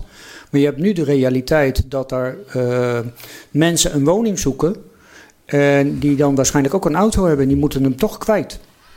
Ja, dan moet je stimuleren dat, dat er minder auto's nodig zijn. Hè. Zorg dat mensen dicht bij hun werk kunnen wonen. Dat openbaar vervoer goed is als alternatief. En desnoods maak je het gebruik of het hebben van een auto maar duurder om dat te ontmoedigen. Je moet voor de langere termijn moet je kijken. We hebben net eh, even kort een, argument gehad over van... goh, gemeenteraad, kijk maar vier jaar vooruit. Maar dit soort dingen zijn juist voor de lange termijn. Als je nu plannen maakt voor in de toekomst en je zegt... goh, blijven we ruim baan geven voor de auto's... met alle verkeersdoden en slachtoffers die daaraan vastzitten. Luchtvervuiling, eh die je nodig hebt. Of gaan we meer focussen op fietsen, voetgangen, openbaar vervoer. Ja, dan weet ik wel wat de keuze is eh, of voor een leefbare stad. Ik denk dat het inderdaad ook belangrijk is om te beseffen dat dus die, die ruimte is nou eenmaal schaars. We hebben niet oneindig veel ruimte. En ik hoor Arjen inderdaad ook zeggen, dat we moeten niet bouwen in het groen. En er moet een wipkip voor ieder kind. En er moet eh, eh, voorziening voor iedere auto. Ja, er moeten toch keuzes gemaakt worden, want we hebben niet onbeperkt, eh, onbeperkte ruimte. En nee, ik sluit me dan aan bij mijn D66-collega dat ik ook liever dat groen wil behouden en wil zorgen dat die, dat die wijk prettig is voor kinderen die daar wonen. En dan die auto eh, eh, wat minder ruimte gunt. Maar ik ben wel benieuwd. eh, Nou ja, dan, is de, dan kan de conclusie natuurlijk ook zijn dat je in een bepaald gebied niet kan verdichten, omdat daar de voorzieningen gewoon niet op orde zijn. Maar dat is, dat is wat andere partijen dan niet doen. Die gaan dan die voorzieningen schappen om die woningen dan alsnog in die wijk te persen. En dat zie je dus op heel veel plekken in deze stad gebeuren, dat er enorm verdicht wordt. Waarbij je een, een, een chaos creëert voor de toekomst. Nou ja, dan denk ik dat Hart voor Den Haag op de Mos daar eh, pragmatischer en logisch over nadenkt. Van ja, want kijk, je kan de parkeer- nota parkeernormen aanpassen. Waarbij je zegt: oké, we gaan, dan gaan we woningen bouwen. Maar dan schrappen we die parkeerplekken. Want dan komen die woningen er alsnog. Dan, dan weet je eigenlijk dat dat over een paar jaar een enorm probleem wordt. Of je kan gewoon zeggen: we, we, we verplichten die bouwer om eh, parkeerplekken op eigen grond, desnoods ondergronds te realiseren. En dan komen die woningen er ook. Want je, je ziet ook wel geslaagde voorbeelden Of in deze dit- stad. we komen toch weer een beetje terug op die vorige stelling die ik deponeerde. Den Haag is gewoon vol. Het kan maar niet dat, meer. Dat zei ik in eerste instantie. Dat je dan, dan kan de conclusie zijn, inderdaad, dat de verdichting gewoon op bepaalde plekken niet meer mogelijk is. Nee. En Ja. dat, dat je dan gewoon moet concluderen van ja, eh, dit is een gegeven. Je- We, we, we willen wel zoveel huizen bouwen, maar daar hangen ook zoveel auto's aan. Op dit moment, hè, ik, ik heb het niet over de lange termijn. Maar je, er is nu een ontzettende eh, woningnood. Mensen zoeken een woning en die mensen hebben ook een auto. Dus die moeten ze ook kwijt kunnen. Hoe dan ook. Nou, de logica van, van je moet een auto hebben, hè, die, die Nee, zie ik het- niet zo. Ehm, en, en inderdaad, mensen moeten een, een dak boven hun hoofd hebben. Ook daar eh, zetten alle partijen zich natuurlijk voor in. Maar Den Haag heeft het wat mij betreft niet vol. We hebben handjes nodig die, eh, die helpen in de zorg, die helpen in het Westland, die helpen in de maakindustrie. Die kun je niet eh, eh, hebben en houden als je daar geen woonruimte voor Maar hebt. Peter, Nee, er zit maar wel een verschil tussen hier uithoekje Den Haag Zuidwest, waar we nu zijn. Hier is de openbaar vervoersvoorziening gewoon een stukje lager als bijvoorbeeld Mhm. naast Den Haag Centraal Station. Ja.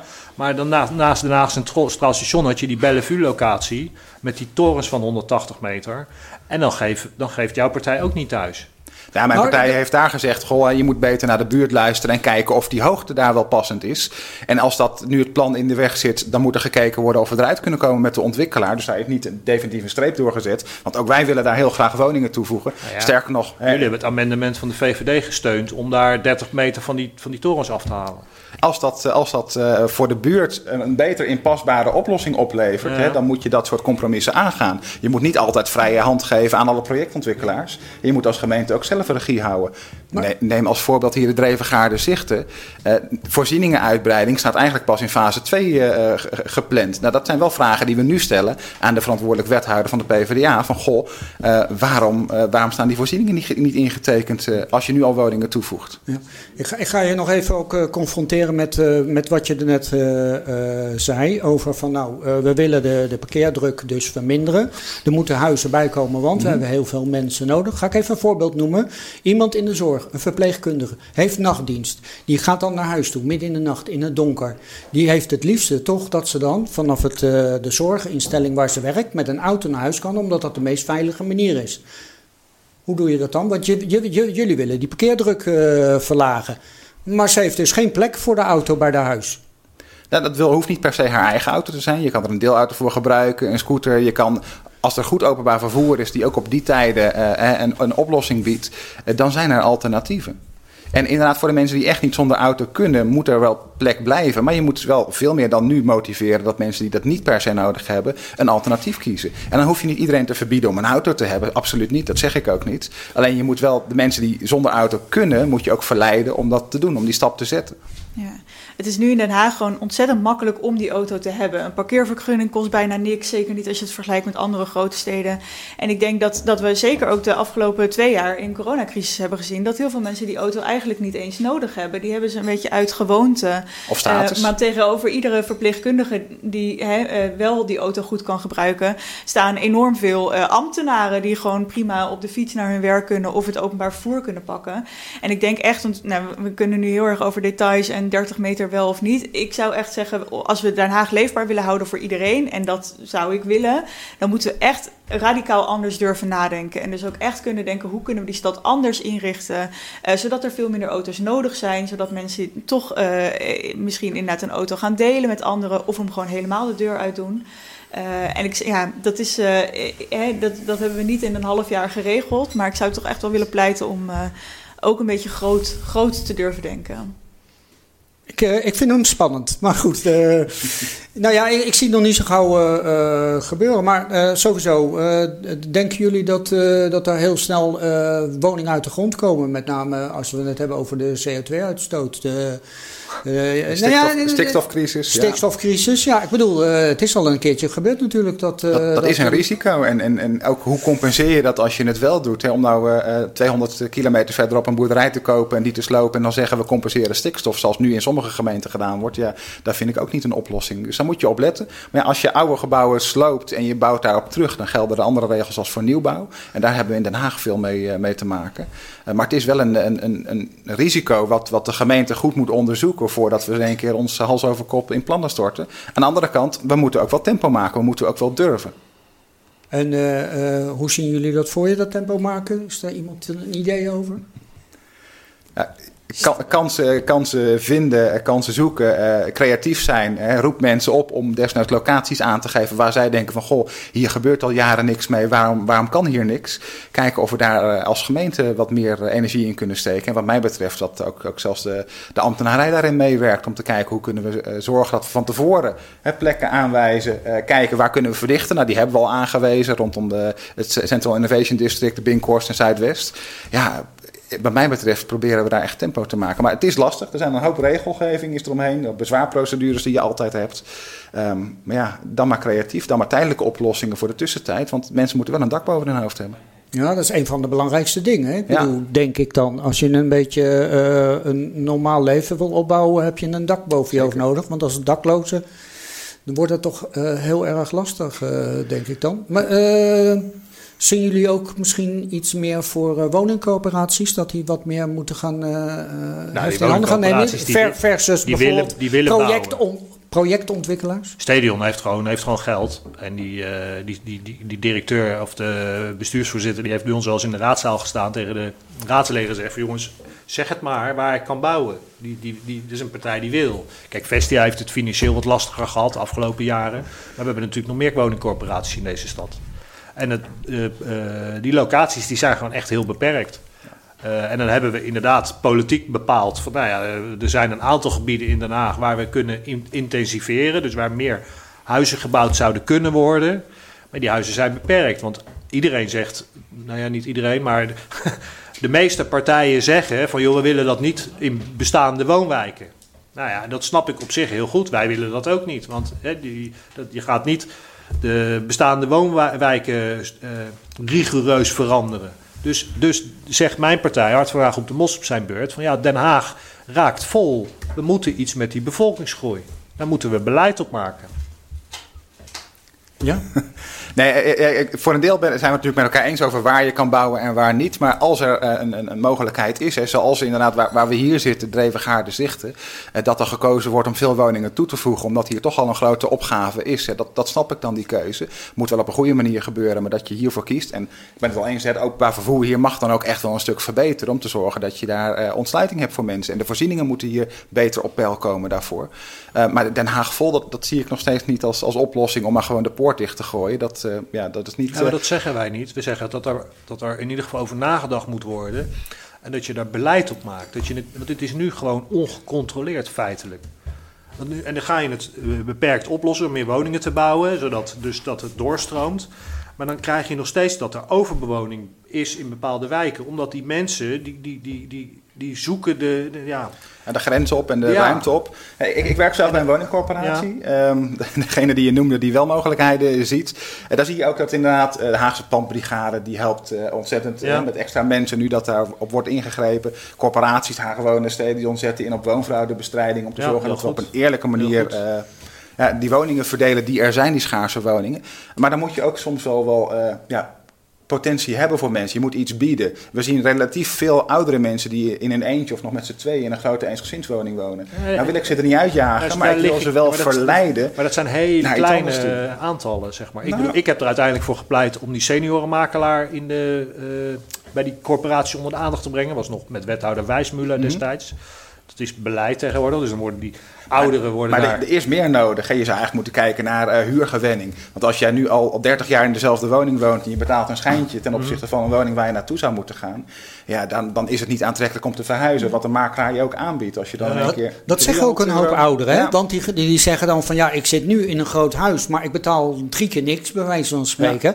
En eh, ja, eh, ik kan wel naar een seniorenwoning gaan, maar dat is nieuwbouw en ik betaal zes keer en zoveel. En, hij is nog kleiner ook. Ik kan niet eens al mijn spullen meenemen. Dus die zeggen van ja, dag, ik blijf lekker zitten. Zit goedkoop. Dat ik kan mijn, eh, dat kan ik ook betalen, want eh, eh, eh, de inflatie voor die mensen is heel erg groot. Is dat weten we ook. Klopt. Ik, ik ik ben bezig met, met, eh, we zijn bezig met nieuwbouw in, in eh, de rand van Loosduinen is dat, aan de Torbekkenlaan, de Monsieur Nodeslaan.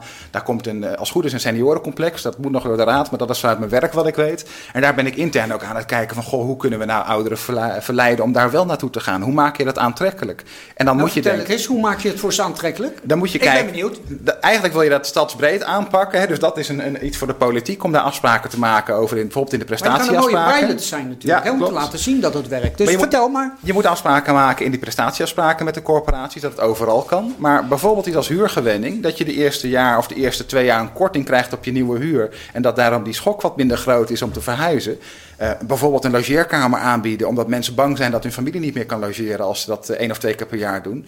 Eh, dat soort zaken. Voldoende ruime woningen, buitenruimte, dat hebben mensen die ik spreek aangegeven. Van, god, dat heb ik nodig om, te, om een, mijn grote woning met een tuin die half leeg staat te verlaten. En dan denk ik, ja, dat zijn dingen, als je beter luistert naar wat de doelgroep nodig heeft en je vertaalt dat naar waar kunnen we dat toepassen, dan is dat een oplossing om mensen te verleiden. Je moet ze niet per se dwingen, maar je moet het wel makkelijk maken om te D66 verhuizen. Amsterdam hè, die dat wilde dwingen. Niet? Nee, ik zeg, zeg- Het staat niet in Den Haag in, eh, op de, Ah, planning. Nee. Nee, maar dat, dat is leuk. Ja, je, je zegt dus van, eh, eh, ik wil de ouderen dus eh, dan verleiden. En dan krijgen ze dus een korting voor twee jaar. En na twee jaar zitten ze wel aan die hoge prijs vast. Ja, Maar eh, ze hebben nog steeds maar, eh, eh, en, en dan is maar te hopen dat tegen die tijd eh, hun AOW gaat- en pensioen geïndexeerd is. het gaat wel om Want voorlopig, voorlopig lopen ze hard achteruit. Dus na twee jaar Is het nog maar de vraag of ze dan die huur kunnen ophoesten. Het, het gaat dan nog steeds om sociale huur. Dus de mensen met een laag inkomen hebben dan nog steeds recht op huurtoeslag. Dus dat is niet zo dat dat eh, in één keer onbetaalbaar wordt voor ze. Alleen ze zitten nu in een situatie waarin de huur relatief laag is en ze ook weinig huurtoeslag krijgen. En dan is die schok misschien wel groot, ook al krijg je voor een deel compensatie met huurtoeslag, dat je alsnog meer kwijt bent. En dat moet je, ja, moet je wel aantrekkelijk maken voor mensen. Je kan ook niet zeggen, eh, we bouwen iets nieuw neer en je hoeft er maar 300 euro per maand voor te betalen. Dan krijgt de corporatie het niet rondgerekend. Dus dat is ook niet een, eh, ja, het ei van Columbus wat dat betreft. Je moet een tussenweg vinden en dan is dit één van de opties die er zijn. En dan heb ik Zou dan niet de gemeente iets meer voor die co- corporatie moeten doen dan? Eh, dus, eh, dat, zodat het dus qua prijs nog steeds aantrekkelijk blijft, ook over twee Nee, jaar voor die ouderen. Je moet opletten, de gemeente mag niet zomaar geld ja, overmaken aan de corporaties. Dat is dan weer staatssteun en daar zijn hele strenge regels voor. Maar het is wel een feit dat in, in Haaglanden, in de hele regio, onze corporaties relatief weinig investeringsruimte hebben. En dan zitten we toevallig, hè, met, met, we hebben het stadion als voorbeeld gehad, die er nog redelijk ruim in zit. Maar we hebben andere corporaties die geen ruimte hebben om te investeren. En dat is wel zorgelijk. En dan ben ik wel blij dat er nu eindelijk weer een minister, minister is op het gebied van ruimtelijke ordening. Die een beetje de regie kan pakken. En die ook kan zeggen van, goh, hier gaan we naartoe en dit moet er gebeuren. En die, ja, wat uitzoomt en daar hopelijk de gemeentes ook bij kan ondersteunen, dat ze, dat ze meer mogelijkheden gaan zijn. En dat er ook vanuit het Rijk daar extra geld voor kan komen. Hoe ziet, eh, zie jij dat, eh, wat ik er net ook aankaart, hè? van eh, nou, een oudere naar een seniorenwoning, maar dat wordt zes keer zo hoog en dat kunnen ze bijna niet, niet ophoesten. Ja, nee, ja, ik ben het ermee eens dat je dat verleidelijk moet maken. Ik denk dat er ook wel echt nog winst te behalen is met het weghalen van eh, allerlei regeltjes die nu gelden. Je, hebt, je ziet bijvoorbeeld best veel ouderen die dus inderdaad in een vrij groot huis wonen, die prima een kamer over hebben om te verhuren. Maar als ze dat doen, dan worden ze gekort op hun bijstand of eh, verliezen ze hun toeslagen. Ik denk dat dat ook dingen zijn die je veel eenvoudiger zou kunnen maken. Veel, hè, al die administratieve romslomp weghalen. Kan je dat als gemeente of is dat landelijk beleid? Nou, je hebt daar als gemeente wel, eh, je, je kunt daar wel wat dingen in regelen. Ja, Ze hebben kunt- daar in Leiden een pilot voor gedaan. Hè, om mensen met een uitkering uit te benen te zeggen: van, Goh, je mag een kamer verhuren tegen maximaal die prijs. En dan halen we je het niet van je uitkering af. Dus er zijn mogelijkheden om daar lokaal op te sturen als je wil. En zijn jullie daarvoor? Vanuit GroenLinks zijn we daar zeker voor. Ik denk dat Oh het ja, een mooie ik manier zit ook is. in eh, stemmen te knikken. Ja, wij Eh, zijn Peter? ook- wij zijn Ja, creatieve oplossingen, het moet wel het moet passend zijn, maar ik zou er niet direct tegen zijn. Nee. Ja. Nou, dat, dat, dat, dat is een winstpunt. Gelijk gestemd. Heel mooi. Maar heel je, mooi. je moet je wel afvragen, als je ruimte hebt om, om een kamer te verhuren, is het dan niet beter om, om zelf te verhuizen en zo'n woning voor een gezin eh, over te laten? Dat zijn wel afwegingen die je mee moet nemen. Maar het is op een kortere termijn zou dat een oplossing kunnen zijn voor, voor meer, eh, meer onderdak voor mensen. Eh, studenten bijvoorbeeld. Hè? Ik bedoel, Haagse Hogeschool eh, studenten zitten te springen om, eh, om kamers, denk ik dan. En dat los je dan voor een deel daar al eh, mee op. eh, Precies. hè? Ja. Ja. Nou ja, het feit is dus gewoon, eh, even los van al die oplossingen die er verzonnen worden om een heel groot probleem aan te pakken. Ik heb ook niet de illusie dat we dat dat nu ik het jammer oplossen. vind dat dat probleem gewoon niet benoemd wordt. Weet je, dat, en het, ja, ja, goed. En dat is volgens jou? Bevolkingsgroei. De stad groeit gewoon uit zijn voegen. Ik bedoel, we, kun- we, we- we- ja, we gaan nu naar 550.000 Hagenaars toe. En, de, en, de, en de huis, ja, we hebben de huizen niet, bij wijze van spreken. En, dus, en we kunnen er misschien wel 600.000 kwijt. Maar waar houdt het op?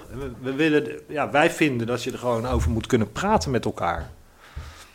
Nou ja, dat, dat ligt heel gevoelig. Want dan, ja. Dat blijkt wel, hè? Ja. Ja. Ja, als jou, jouw nummer twee, hè, Verdonk, dan gaat roepen over de Rotterdamwet om bepaalde mensen eh, eh, te weren, dan denk ik, ja, wie, wie bepaalt dan wie er wel en niet naar Den Haag mag? En hoe arbitrair is Ja, zo'n maar- zo'n bepaling? En dat vind ik heel lastig. Dat ik klopt. ben niet in die scheidslijn maken. Mensen moeten een eerlijke kans hebben. En ja, daar toch een onderscheid in maken, dat, eh, ja, dat voelt bij mij niet goed. Dat echt niet. Nou ja, niet goed. Ik hoor uiteindelijk hebben we overeenstemming met elkaar dat we bepaalde noodzakelijke beroepen zeg maar voorrang gaan geven. Is artikel 9 van de Rotterdamwet.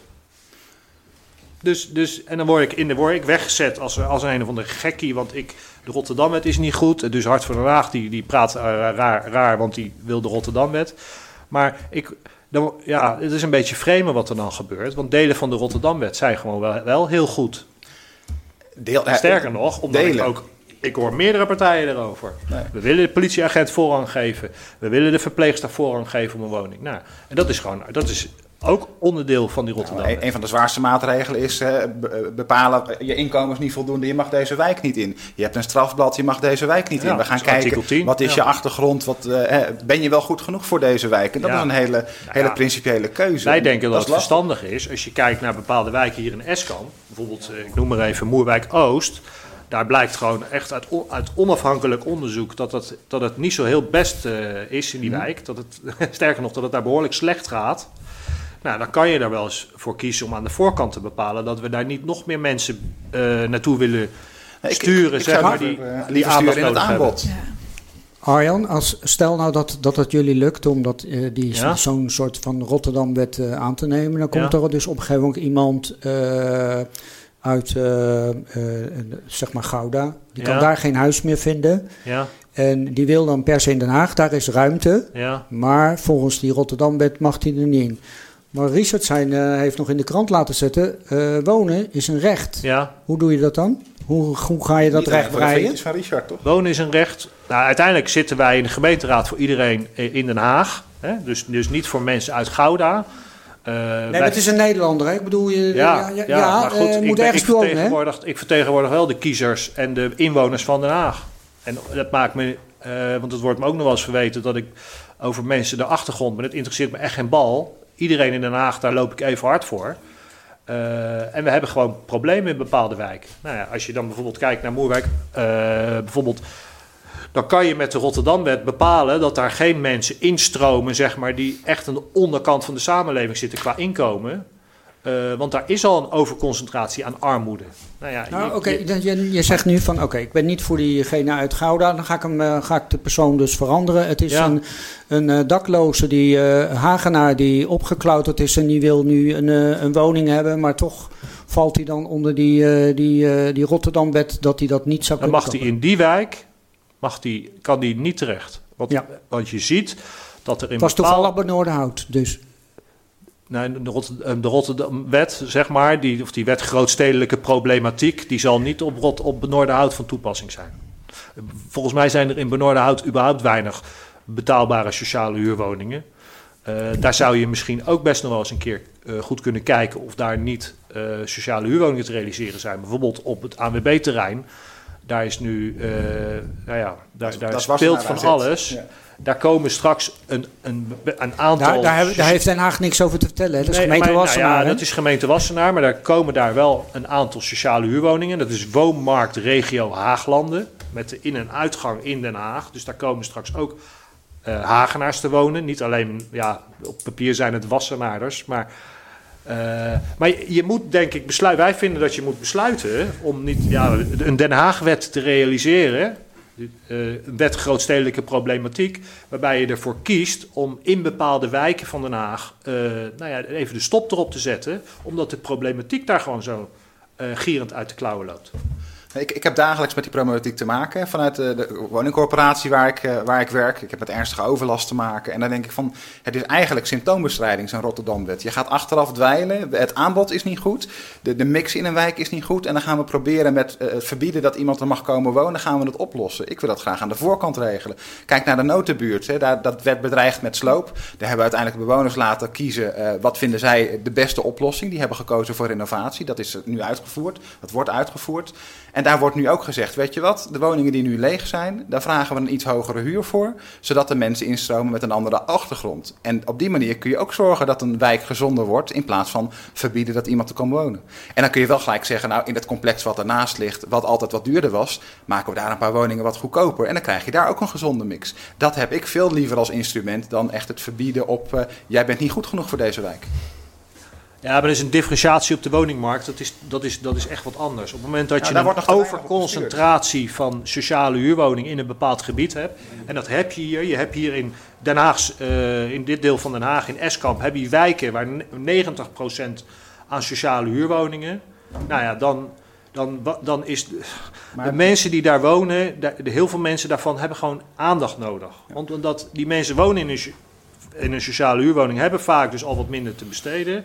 En als je een, dat is ervaring uit het verleden, als je heel veel mensen bij elkaar stopt die eh, weinig te besteden hebben, dan komt daar ook andere problematiek bij kijken. Ja, maar de ene sociale huurwoning is de ander niet. Hè? Je kan met een uitkering van 12.000 euro per jaar in een sociale huurwoning zitten, maar ook degene die doorgegroeid zijn en die ondertussen 50.000 euro verdienen, ben ik zitten met in je een eens. sociale huurwoning. Maar bij toewijzen kun je ook rekening houden, er mag tot eh, meer dan 30.000 euro verdiend worden. Zorg ervoor dat je niet alleen maar mensen eh, met Ja, een je uitkering moet, bij elkaar je moet plaatst. passend Nee. toewijzen, dat is dat stelt de wet. Ja, maar als je, als je hè, differentieert in de huurprijs van de woning, je zegt van goh, in dit portiek zetten we niet alleen maar de goedkoopste woningen neer. Als het hier mag, dan vragen we voor twee woningen in dat portiek iets meer. En in een ander complex waar dure woningen zaten, maken we twee woningen goedkoper. Dan eh, moet je passend toewijzen. Dan Ja. wijs je dus daar wat mensen toe Ja. die allebei een baan hebben bijvoorbeeld, die hun buren kunnen helpen. En in dat complex waar al heel veel gegoede mensen wonen wat dat betreft, daar is dan ruimte voor mensen met een lager inkomen die misschien wat vaker beroep doen op Ja, hun er, buren. er zit inderdaad echt een principieel verschil tussen eh, door beleid ervoor te zorgen dat wijken eh, gemengd zijn, eh, waar we het eerder ook al over hebben gehad, om te zorgen dat, dat, dat, die, dat die leefbaarheid wordt bevorderd, juist omdat er meerdere mensen uit verschillende groepen daar samenwonen. Of vanuit de gemeente zeggen, jij mag hier niet wonen. En daar heb ik inderdaad ook wel echt gewoon principieel moeite mee, dat je als overheid gaat besluiten, we vinden jou niet kansrijk genoeg, dus jij krijgt hier geen woning. Dat, eh, nou, Nou, ik vind al winst dat we, dat we overeenstemming met elkaar hebben, zeg maar, dat we een, een differentiatie van eh, mensen willen in een wijk. Toch? Volgens mij hebben we Eh, dat we- hebben vastgestelde Wijken, punt met. Den Haag hebben we eenzijdige Het is wijken alleen hoe gaan we dat realiseren? Daar verschillen we over van mening. Ja. We hebben in Den Haag eenzijdige wijken benoemd. Hè, van goh, hier zitten eigenlijk te veel sociale huurwoningen. Maar Ja. wat ik zei, hè, binnen sociale huurwoningen kun je ook differentiëren. En de ene sociale huurwoning en huurder is de ander niet. Dus daar moet je veel meer op sturen als gemeente, vind ik. En dan werk ik bij een woningcorporatie. Zeg ik, eh, mag je best wat meer tanden laten zien als gemeente om daar afspraken over te maken. Eh, en aan de andere kant, we hebben ook wijken waar veel te weinig sociale huur ziet als je kijkt, waar, waar dat niet is. Ja, dan mag je ook van durven zeggen, daar kunnen we eigenlijk best wel wat toevoegen. Dat kan die wijk dragen. Maar dat is altijd heel gevoelig. Maar ja, dat is wel mijn persoonlijke overtuiging. En daar krijg je niet altijd iedereen mee. Van goh, hè, we moeten eerlijk zijn. In, eh, ja, eenzijdige wijken zijn niet alleen wijken waar te veel zit. Ook Ja. wijken waar te weinig zit. Ja, maar ik hoorde jou net ook nog wat zeggen eh, over. We hebben een eh, wooncomplex en in die boutique eh, vragen we prijs A en in Ja. die andere eh, Lastig wat lager. Ben je dan niet bang dat die buren dus een soort van conflict krijgen? Zoiets van, ja, maar ik heb dezelfde vierkante meter, het is precies hetzelfde huis, maar jij betaalt veel minder, en dus ik, ben, ik zit eigenlijk veel te duur. Hoe kan dat? dat? Dat moet ik eh, meerdere keren per maand uitleggen aan mensen. Want die zien dan in één keer, goh, ik betaal dit en die woning naast mij komt vrij en die wordt goedkoper verhuurd. Hoe zit dat? Mag ik huurverlaging? Ik zeg, ja, we hebben een contract als corporatie met jou. Eh, en er is een afspraak met de gemeente hoeveel woningen we met bepaalde prijscategorieën moeten hebben. Eh, we hebben daar afspraken over. Ja, dat betekent dat niet de grootte van de woning of de kwaliteit van de woning maatgevend is in zijn eentje voor de prijs van een huurwoning. Zo zit dat met de sociale huur in elkaar. Het is geen vrije markt. We vragen niet het maximale ervoor. En daar ben ik blij voor ook. Maar het is juist, eh, wordt daarin gedifferentieerd. En daar kan veel meer. Ik dacht dat er toch eh, bepaalde normeringen waren. Er zit een maximumprijs aan, dat klopt. Maar de meeste corporaties in, in deze regio zitten altijd ver onder die maximumprijs die ze vragen. Dus je zou kunnen zeggen, goh, je mag voor deze woning 6,500 euro vragen. We vragen er 4,5 voor of we vragen er 6 voor. Dat is de keuze die een corporatie heeft. En dan maakt de gemeente afspraken over hoeveel woningen in welke categorie moet je hebben. Maar je zou het zelfs per wijk kunnen bekijken van goh, het is verstandig om hier wat meer te vragen, zodat de mensen instromen die niet afhankelijk zijn van een uitkering. En dan heb je nog steeds, eh, kun je in een wijk differentiatie maken van goh, zoveel woningen bieden we voor deze categorieën aan. En dat heb ik liever, want dan maak je wel over het totaal een afspraak. Eh, heb ik liever dat we dat doen dan dat we echt mensen uitsluiten, je bent niet goed genoeg. Want je zorgt er wel voor dat dan in andere plekken waar ruimte is en waar de wijk dat kan dragen, dat mensen daar terecht kunnen. Oké, oké. Ik, ga, ik ga een klein zijpad eh, in, wat ook met wonen te maken heeft. En dat is dan leefbaarheid. Want als er, eh, als er verdichting plaatsvindt eh, en eh, meer mensen gaan wonen, en sowieso zie ik dat ook wel in Den Haag regelmatig, dat er zwerfafval is. eh, op problemen van dat mensen naast een oorak hun vuilniszak neerzetten. En dan kan je zeggen, ja oké, dan moeten we dan maar op gaan handhaven. Maar is dat ook niet een stukje van de gemeente voorlichting? Want het is denk ik toch bekend dat een, eh, een behoorlijk deel van de Hagenaar van de niet-Nederlandse afkomst is. En een hele hoop ook niet echt de Nederlandse taal machtig is. En alle informatie die je kan vinden en ook wat de gemeente Den Haag dus eh, verspreidt onder de bewoners is in het Nederlands. Omdat dat verplicht is, zeggen ze. We mogen het niet in het Pools vertalen of in eh, eh, welke andere taal uit, uit Oostblok Europese landen die mensen die hier zijn komen wonen. Dus die mensen die, die, die, die snappen het niet helemaal, want die wonen hier nog niet zo lang. Ja, om nou te zeggen dat het alleen mensen zijn met een, een andere taal dan Nederlands die, eh, die zich niet, niet gedragen, dat vind ik een Dat- beetje kort door de bocht. Daar, Het daar lijkt wel je wel op aan te maar het is sturen. het is wel een is een beeld wat, wat mensen hebben. Nee, eh, zo bedoel ik het niet. Maar het is wel een stukje dat, eh, kijk, iemand die de Nederlandse taal goed machtig is en dat ook doet, Mhm. die kan je makkelijker erop aanspreken, want die kan het in ieder geval begrijpen waar het om gaat, als iemand die de Nederlandse taal niet machtig is. Nou, dus je kan het probleem kleiner maken. Wat ik daar nog, nog, nog lastiger van vind, hè, de, de groep over wie het hebt, de arbeidsmigranten die eh, niet lang genoeg hier wonen om de taal te leren. En degenen die hier lang wonen leren meestal wel goed Nederlands eh, wat dat betreft. Maar als jij hier een paar maanden zit en je vertrekt dan weer omdat je je inkomen hebt verdiend, ehm, ja, dan heb je ook geen binding met die wijk op dat moment. Dus dat is een ander, ander probleem wat mij betreft dan echt dat het om de taal gaat. Maar je moet wel proberen mensen te bereiken. En of je dat nou doet met duidelijke pictogrammen die op de, op de ORAC staat, of, of je eh, doet het bij een inschrijving bij de gemeente dat je probeert daar mensen op te wijzen. Ja, dat zouden oplossingen kunnen zijn. Maar ja, ik heb ook geen pasklaar antwoord op hoe zorgen we ervoor dat Den Haag nooit meer eh, bijplaatsingen heeft of, of afval heeft. Eh, als je intensief een stad gebruikt, ja, dan, dan moet je daar ook zorgen dat die straatvegers en de mensen die daarbij helpen, dat die daar voldoende tijd voor hebben om dat, eh, ja, dat netjes Ja, te handhaven is inderdaad maar één ding van het verhaal. Het zou moeten beginnen met gewoon vaker langs om die afvalbakken op te halen, zodat je het er niet naast hoeft te plaatsen. Dat er gewoon voldoende mogelijkheid is om dat netjes te doen.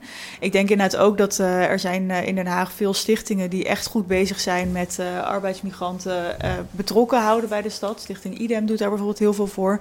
Die zijn ook juist heel erg bezig met voorlichting en informatieverstrekking voor arbeidsmigranten in hun eigen taal. Ik vind wel dat de gemeente daar nog eh, eh, beter mee zou kunnen samenwerken. Want eh, inderdaad, als je, hier, als je hier voor lange tijd vestigt, dan, dan leer je meestal de taal. Maar voor arbeidsmigranten die hier soms maar een half jaar tot een jaar zijn, is dat niet realistisch om te verwachten. En denk dat je ook veel kunt winnen door nou, bijvoorbeeld met dit soort stichtingen samen te werken die, die veel doen aan informatievoorziening in eigen taal. Jij zit nee te knikken, Arjen? Nee, eh, nee, uit onderzoek blijkt gewoon dat eh, bijplaatsingen niet veroorzaakt worden door volle ORAX. Dat, eh, ja, dat, die, dat soort informatie krijgen we natuurlijk als, als gemeenteraad. Dus, het kan, ja, dus daar wordt echt in de commissie Leefomgeving van de raad regelmatig over gesproken. Ja, dan kan je erover, dus dat is niet de oorzaak. Een stukje gebrek aan kennis, dat, dat, dat speelt mee. Ja, en dan Hart van denkt, eh, denkt gewoon dat je dat keihard, keihard moet aanpakken. Wij hebben ervoor gepleit om een huftenboete in het leven te roepen. Ja, daar wordt niet iedereen enthousiast van. Eh, nu is die bekeuring 200. Dan doe je het de volgende keer is het weer 200. En nou ja, goed, wij vinden dat je dat gewoon eh, dat je dat progressief zeg maar moet opstapelen. Dus hij verdubbelt gewoon. Dan, nou ja, dus dan is het 200, 400, 800. En, en daarna ga je gewoon lekker mee helpen schoonmaken. Eh, nou ja, goed, daar is helaas geen meerderheid voor nog. Maar ik, ik denk dat dat wel en gaat niet werken. genoeg personeel voor. Wat zeg je? En niet genoeg personeel voor Nou, er worden heel veel bekeuringen uitgeschreven in Den Haag. Uh, maar wij denken dat die bekeuringen uh, nog iets te laag zijn. Want blijkbaar valt niet bij iedereen het kwartje dat het heel ongewenst is. En dat is spijtig, want ja, hoe leg ik dat uit?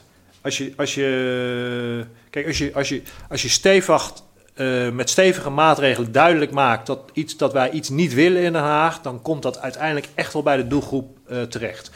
Uh, jullie weten net zo goed als ik dat je in Spanje op de boulevard geen grote mond moet hebben tegen, tegen de politieagent. Jij weet, we weten net zo goed dat je in Singapore het niet in je hoofd moet halen om een leeg blikje cola op straat te gooien. Als je daar gepakt wordt, dan heb je gewoon een boete van, wat is het, ik geloof, 1000 dollar te pakken.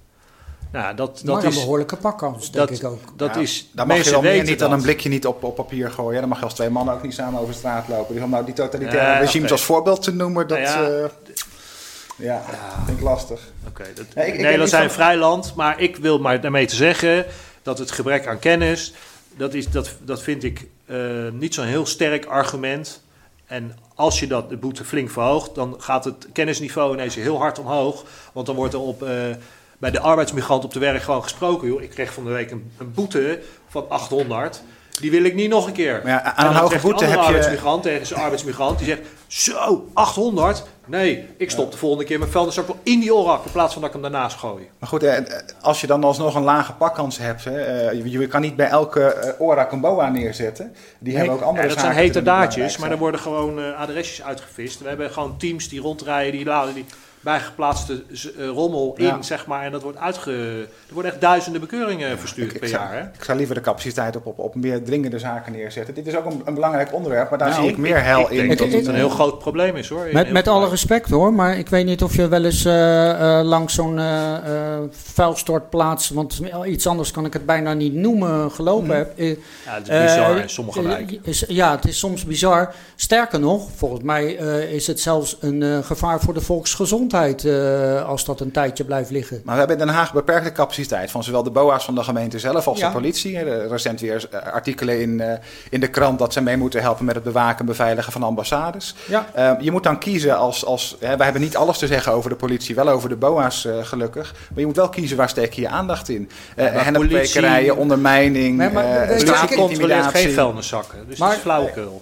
Nee, maar, maar, aan de andere kant denk ik ook van ja, uh, kijk als ik de televisie opzet, uh, landelijk wordt er ook geroepen van ja, uh, politie, ja, we hebben, we hebben een mankrachttekort, capaciteitstekort. BOA's, we hebben capaciteitstekort.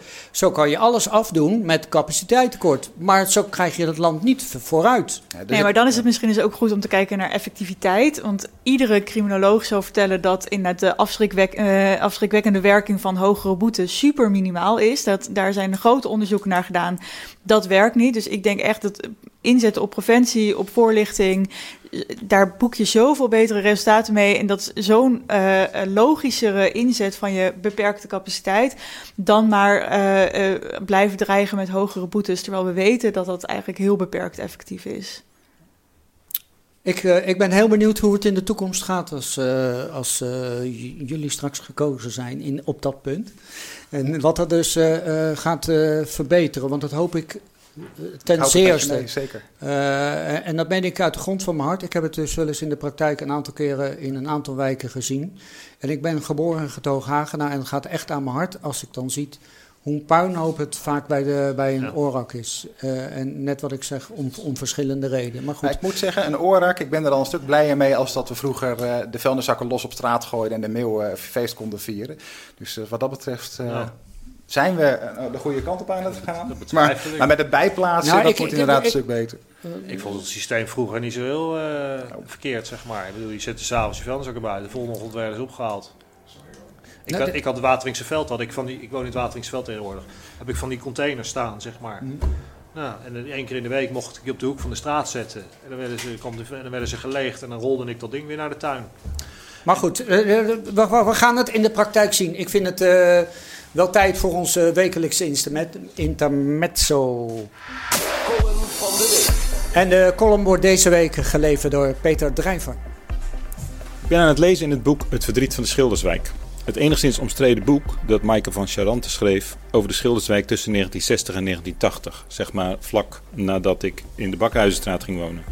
Ze schildert aan de hand van stapels notulen en beleidsstukken uit die tijd hoe de Schilderswijk is omgevormd van de onaangepaste tegenpartijcultuur tot de wijk die we nu kennen. Een doolhof van portiek etagewoningen waar allerlei subculturen langs elkaar heen leven. De schrijfster neemt geen blad voor de mond en maakt het allesbehalve mooier dan het is. In de Schilderswijk is bewust een omvolking ingezet. Een woord overigens dat je alleen met handschoenen durft aan te pakken door de herinneringen aan de verschrikkingen van de Tweede Wereldoorlog. Omvolking. Aan de kiem daarvan lag de wens van het stadsbestuur in de jaren 50 om de 19e eeuwse buurten stuk voor stuk om te vormen tot verre verdichte flatwijken met een hogere dicht- dichtheid, meer groen en meer parkeerplekken. Daar werd behalve de buurtcultuur met zijn hechte sociale verbanden en gebruiken ook de hele middenstand aan opgeofferd. De honderden winkels, bedrijfjes en ambachtslieden die op elke straathoek en in, in de winkelstraten hun boterham verdienden. Door met overheidssubsidie de sloopkogel door de 19e eeuwse buurten te, la- te halen, moesten mensen de buurt uit en hervonden ze zich met een verhuissubsidie in een vreemde woning in Transvaal, Bouwlust of Zoetermeer. Herlezing van de stukken die kolonnes wethouders en raadsleden hierover hebben geschreven en uitgesproken, stemt melancholiek. Woningnood, stijgende huizenprijzen, stijgende bouwprijzen, we moeten verdichten, de woningen hebben schimmel, we hebben een bak subsidie van het Rijk gekregen, er ligt een nu of nooit aanbod van een bouwbedrijf en een corporatie. Het is alsof je in die slappe verhalen de krant van vandaag leest. Wethouder Martijn Balster is immers nu de man van de PvdA die de microfoon van de vastgoedlobby mag vasthouden. En hij kreeg hem van de VVD'er Revis die hem weer van Norder kreeg. Het traditioneel slappe gemeentebestuur, zo schildert het boek van de Schilderswijk, faciliteert die wensen van de vastgoedlobby. Omvangrijke bouwopdrachten waarbij de risico's naar de gemeente zijn verschoven. En het bestuur faciliteert de wensen van een regionale en landelijke agenda. Concurrentie met Rotterdam vraagt om een knieval om immigranten te huisvesten die de klussen moeten doen in dit land.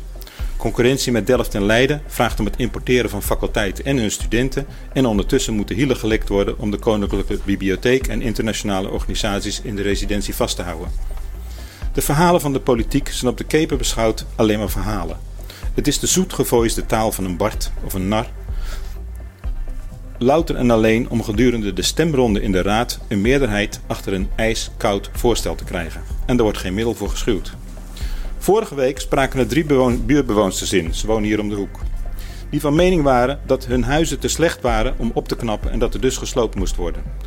Ik kan hun frustratie van slecht beheer en onderhoud voorstellen, maar ik kreeg niet de indruk van doen te hebben met drie bouwkundigen die weten waar we het eigenlijk over hebben. De man met de microfoon, wethouder Balster, loog dat het gedrukt was. Hij ging zijn stinkende best doen, hij ging er hard aan werken, hij vond dat natuurlijk ook belangrijk, maar er kwamen geen wijzigingen in het klaarliggende contract. De uitgesproken zinnen dienen slechts om de raad in slaap te sussen, zodat ze niet merken dat ze hun stem hebben gegeven aan een voorgekookt voorstel.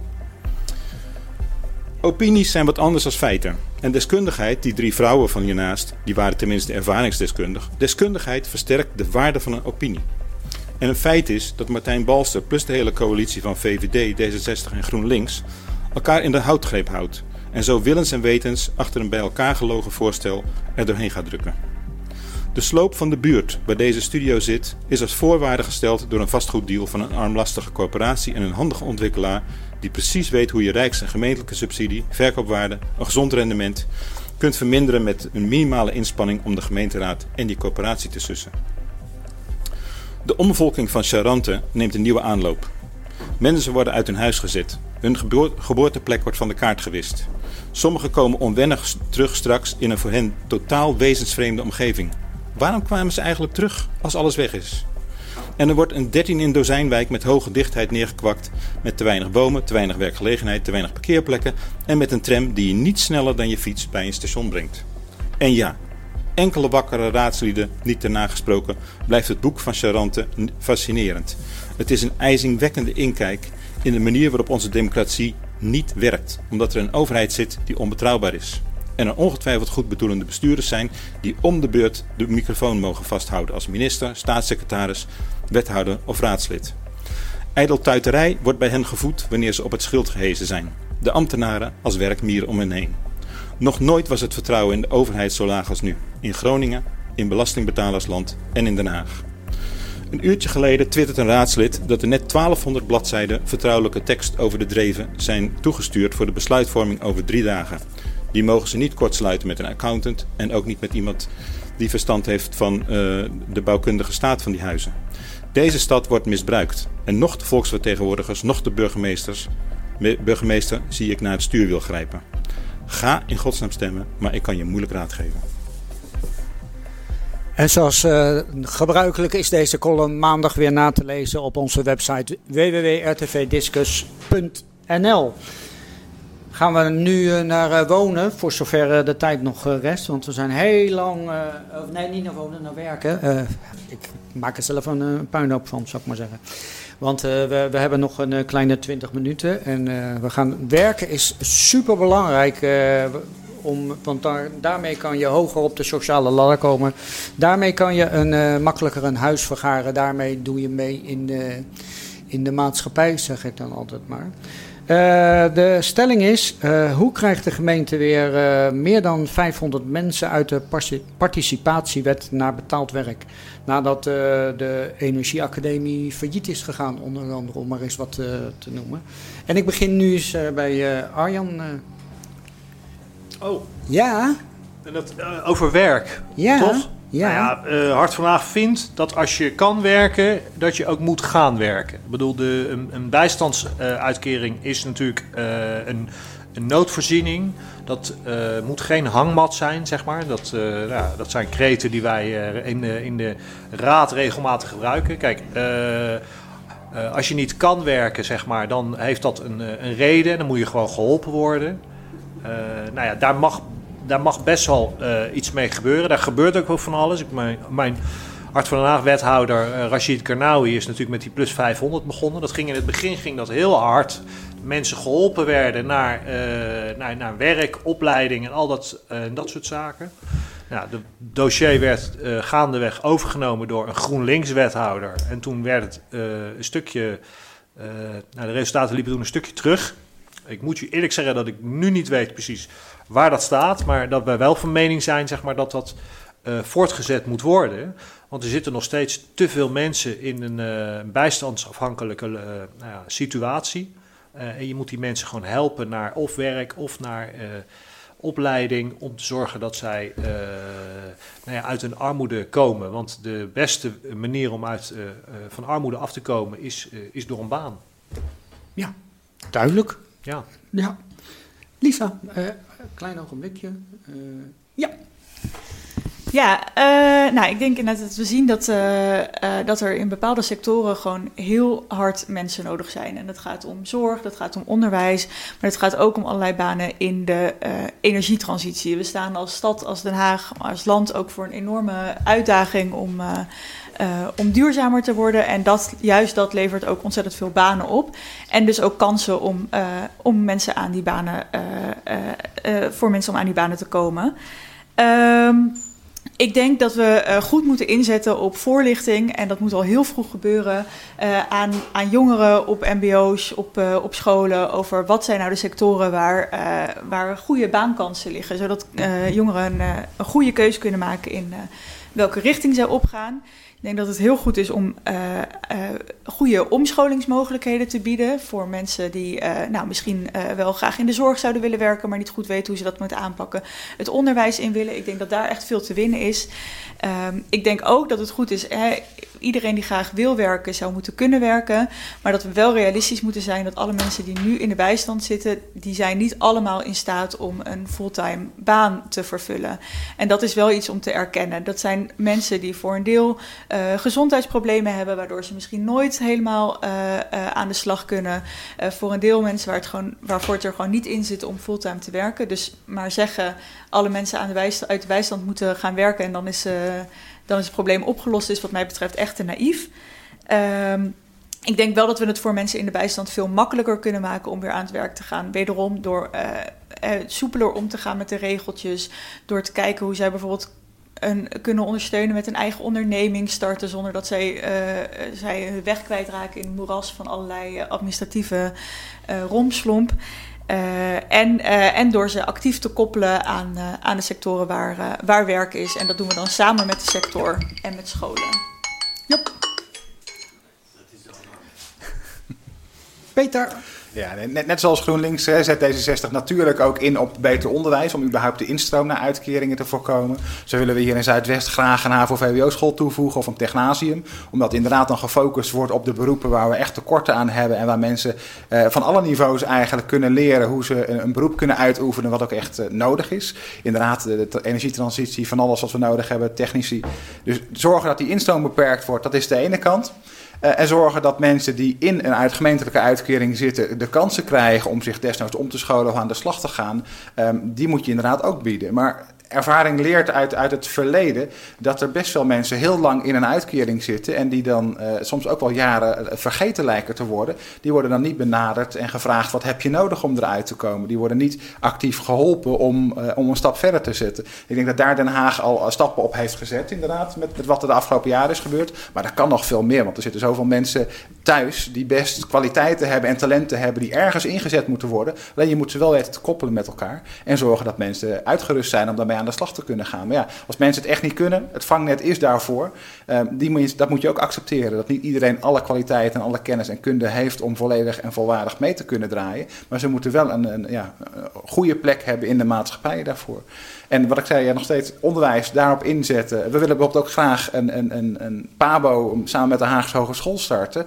Uh, waar geen in, ingangseisen van zijn. Zodat je zorgt dat mensen die interesse hebben in het uh, gebied als onderwijs. om daar zelf aan de slag te gaan. dat je die ook de kans biedt om zich daar te ontwikkelen. Zonder dat ze al uh, uit zichzelf op een bepaald niveau moeten zijn gekomen. Nou, dat zijn voorbeelden waarvan ik denk van je moet vooral mensen de kans geven. en veel kansen bieden om eruit te klimmen. En je moet ze daarbij helpen. En niet alleen maar afstraffen omdat ze een keer iets fout hebben gedaan of omdat ze ziek zijn geweest of wat dan ook. Dus vooral inzetten op, op helpen en, en kansen bieden.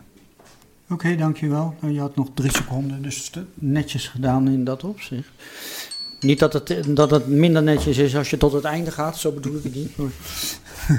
Nee, ja, kijk, de, de ene heeft er iets meer over. Zijn er reacties van elkaar? Of anders weet ik nog wel wat hoor. Daar gaat het niet om. Ik weet Stilte. Ik heb, Oké, okay, nee, dan, ja. dan, ga ik, dan ga ik wat zeggen. Ja. Uh, ja, nee, dat maakt niet uit.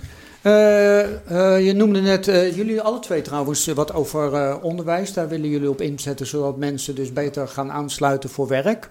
Heeft de gemeente Den Haag wel enig invloed op onderwijsbeleid? Want volgens mij wordt dat landelijk bepaald. Of, Nee, maar de, de, locatie waar scholen komen hè, en het, het, leveren van de gebouwen voor de, voor de basisscholen bijvoorbeeld, dat is echt een taak van, van de gemeente. Als er een onderwijsinstelling opstaat die zegt we willen graag daar iets, iets starten, dan is de gemeente aan zet om te zorgen dat dat mogelijk wordt qua gebouw en qua, qua dat soort zaken. Dus ja, okay. er is best maar... wat op te sturen. Ja, daar is wat op te sturen. Maar ik bedoel, oké, dan heb je dus ergens een basisschool gebouwd als gemeente. Maar dat wil nog niet zeggen dat die kinderen die er vanaf komen dan de, de goede studie gaan doen, zodat ze een baan hebben. Dus ik, ik, ik zie de combinatie nog niet helemaal. Nou, volgens mij kun je er als gemeente echt wel veel betekenen. Bijvoorbeeld bij uh, MBO-opleidingen waar je uh, als gemeente en dan uiteraard in samenspraak met de sector en met de scholen veel kunt iets inzetten op leerwerkplekken creëren, op stages creëren, zodat je die overgang van school naar werk soepel maakt. Zodat je zorgt dat die kinderen echt uh, nou ja, weten waar ze, uh, hè, waar ze ervaring op kunnen doen. Waar ze eh, het vak kunnen leren en, en zo kunnen doorstromen. Daar kun je als gemeente echt een rol pakken. En we zien helaas ook dat er. ehm, dat het niet voor iedereen even makkelijk is om bijvoorbeeld aan een stage of aan een leerwerkplek te komen. Er is helaas echt veel sprake van stage-discriminatie. Daar zou je, wat mij betreft, als gemeente ook een rol moeten pakken om echt te voorkomen dat dat gebeurt. Zorgen dat Zoals? Er, nou, zorgen dat er een duidelijk meldpunt is waar, waar leerlingen terecht kunnen. Eh, ik, ik hoor veel verhalen van leerlingen die hiermee te maken hebben, maar die dat eigenlijk niet durven te melden, omdat ze denken, ja, maar ik ben toch afhankelijk op de een of andere manier van eh, mensen. Dus volgens mij zou je daarop kunnen inzetten. Je zou met mystery studenten kunnen werken, eh, sollicitatiebrieven sturen onder verschillende namen om te kijken hoe daarop gereageerd wordt. Eh, dat is echt want, ja, niet zo ontmoedigend als je enthousiast aan de slag wil en je krijgt keer op keer nee te horen, alleen maar omdat je naam anders klinkt dan, dan een andere naam. Dat, ja, daar moeten we, dat probleem moeten we echt bij de kern gaan aanpakken. Ja. De gemeente kan daar meer mee. Wij stellen ook voor als D66 eh, van goh, zorg ervoor dat je inderdaad die sectoren, die bedrijven en die opleidingen bij elkaar brengt. Dat mensen lokaal hun leerwerkervaring op kunnen doen. En dat ze op die manier al een toegang hebben tot de arbeidsmarkt. Ben je klaar met je opleiding? Heb je al ervaring in de regio bij verschillende bedrijven opgedaan? En kom je op die manier binnen en word je gewaardeerd om wat je kan. En niet inderdaad op, op welke naam er op, de cv staat of iets dergelijks. Dat is wel een, een inzet eh, samenwerken. Dat kan de gemeente echt wel, wel voor elkaar krijgen. Je hoeft niet alleen te kijken naar wat is er, hè, kan er binnen de grenzen van de taken die wettelijk bij de gemeente liggen. Maar de gemeente heeft veel meer invloed. Die kan heel veel dingen aanjagen en motiveren en zorgen dat mensen bij elkaar gebracht worden die samen een oplossing bedenken. En samen is toch beter dan alleen maar overal tegen zijn. Nee, ik, ik hoor het al, de, de, de gro- grote taken straks als eh, de verkiezingen geweest zijn en daar een eh, coalitie gevormd moet worden. Oh ja, je gaf net eh, aan eh, wat betreft eh, eh, met die eh, energieacademie en eh, dat eerst een, eh, een wethouder van jullie eh, daarmee, van jullie partij dan daarmee bezig was en daarna werd het overgenomen door een andere partij, werd het ineens een stuk minder. Ligt dat aan de wethouder of ligt dat ook aan de omstandigheden? Voor jouw gevoel? Nou, Kijk, ik, ik kan me ook voorstellen dat in het begin daar heb je eerst de makkelijke mensen die snel een weet- baan hebben en nu de moeilijkere gevallen zijn. Ik, ja. Ik, ik denk dat het niet netjes is om daar nu heel specifiek op in te gaan, omdat allebei de Maar je noemt het wel. Eh, nou, ja, dat ging over die 500. Dat Ja. was niet zo speer gericht op die energieacademie. Ik weet dat, kijk, mijn- een wethouder van mijn partij is bezig geweest bij de ontwikkeling. En nog voor de opening eh, is hij ervan afgetrokken. Ik, sterker nog, toen is de minister-president langs geweest. Die heeft de opening gedaan. En daarna is het eh, gaan, gaan lopen. Kijk, waardoor het fout is gegaan, wat ik ervan weet, want ik ben geen deskundige zeg maar, op dit dossier geweest. Maar wat ik ervan weet, is dit fout gegaan door de mensen die daar de leiding hadden. Wij vinden alleen als Hart van op de Mos dat er een energieacademie 2.0 moet komen in de toekomst. Omdat je ziet dat bijvoorbeeld de gebroeders Traub, ik weet niet of je ze kent, die eh stucadoors opleidt, eh, fantastisch goed werk deden. Die zaten natuurlijk eerst in Moerwijk eh, achter het Heeswerkplein. En die zijn nou ja, verleid om naar de energieacademie te komen. Eh, en dat moet gewoon een, een doorstart krijgen. Want eh, kijk, ik hoor bij D66 over een technatium. Ja, wij willen graag een ambachtschool in, in eh, Den Haag, in dit deel van Den Haag terug. Want die vakmensen zijn natuurlijk ook nodig. De, de, de stucadoors, de tegelzetter, de, de, de, de, de techneut om de zonnepanelen te, te monteren en doen. En die kan je met een energieacademie 2.0 gewoon heel goed opleiden. En de mensen die daar vandaan komen kunnen trouwens dan ook straks gaan helpen in de bouw voor al die woningen die we willen gaan ja, bouwen. Voor die inderdaad. plannen, Ja. Dus het heeft, we heeft hebben vakmensen gewoon keihard nodig. het we hebben zit aan elkaar gekoppeld, denk geleerd ik. van het verleden. We moeten daar niet meer eh, heel veel eh, subsidiegeld naartoe eh, strooien. Je moet daar veel meer het bedrijfsleven bij betrekken. Die kunnen dat fantastisch. Je moet ze alleen begeleiden en helpen waar nodig. En controleren misschien ook Ja, wel. nou ja, het controleren is niet goed gegaan vanwege dat subsidiegeld natuurlijk. Wat er, dat is de vorige keer geweest. Ja. Daar, daar, nou ja, daar lopen allerlei onderzoeken. Eh, of die zijn al afgerond, maar of daar straf, dingen strafrechtelijk zijn gegaan, dat weet ik niet. Eh, maar in de toekomst vinden wij dat er meer aandacht moet naar ambachtsscholen om vakmensen op te richten. En dat moet samen met het bedrijfsleven. Ja. Jij noemde net iets over eh, van, nou, eh, we hebben heel veel mensen nodig in, eh, in de zorg en in het onderwijs. Zit, is daar niet een van de knelpunten een stuk van salaris? Want het is bekend, hè, Den heeft een groot aantal, als we het hebben over onderwijs, achterstandswijken. En de, degene, leerkrachten die daar voor de klas staan, die hebben het gewoon veel moeilijker zwaarder dan, dan iemand in een niet-achterstandswijk. Zou de gemeente daar niet wat in kunnen betekenen? Ja, ik denk het zeker. En ik denk dat we hier ook niet bang moeten zijn. Kijk, er, zijn, eh, er, er is ongelijkheid. eh, en dat betekent ook dat een, eh, nou ja, een school in Benoordenhout eh, eh, het waarschijnlijk wat makkelijker heeft dan een school in de Schilderswijk. En ik vind ook dat je we dus niet bang moeten zijn. Ongelijkheid kun je alleen maar bestrijden met ongelijkheid. Dus dat je meer investeert nu in die school in de Schilderswijk. En, en misschien wat minder in Benoordenhout, omdat die school in de Schilderswijk dat harder nodig heeft. En ik denk dat het hierbij goed is om te kijken inderdaad naar de scholen zelf, maar ook naar voorzieningen in de buurt. Ehm, in de Schilderswijk is er nu bijvoorbeeld eh, een ontzettend mooie bibliotheek. Die is ook een tijdje weg geweest. Maar dat is ontzettend belangrijk om juist in die wijk een voorziening te hebben waarin, eh, waar kinderen naar binnen kunnen lopen, waar ze rustig hun huiswerk kunnen maken, waar ze thuis misschien minder goed een plekje voor hebben. Eh, dus ik, ik zou ook zeggen, laten we breder kijken dan, dan alleen naar scholen, maar gewoon naar de, naar de voorzieningen in de wijk. Wat, wat vind jij daarvan, Arjan? Wat vindt jouw partij daarvan om onderwijzers in, in bijvoorbeeld achterstandswijken wat eh, betere salarissen te geven, zodat... eh, Nou, dat ik vind het een interessante gedachte hoor. Ook, ook omdat, eh, maar dan- kom ik weer bij de auto terug. Kijk, heel veel van die leraren komen van buiten de stad. Hè? Ja. En dan wordt daar door, eh, nou, dat was in 20, 2017, 2018, werd er ineens betaald parkeren ingevoerd. Zeg maar, op niet-marktdagen rondom de Haagse Markt, zeg maar in de Schilderswijk. Ja, die, die, die leer, docenten van die scholen daaromheen helemaal in paniek. Want die, dat is, ja, dan, kan je, dan, moet ik, dan moet ik verplicht op de fiets vanuit Nooddorp, omdat ik les geef in die wijk. En dan werd er eh, heel moeilijk gedaan, zeg maar, vanuit het stadhuis om die mensen daarin te helpen. Nou, gelukkig is dat betaald parkeren destijds teruggedraaid.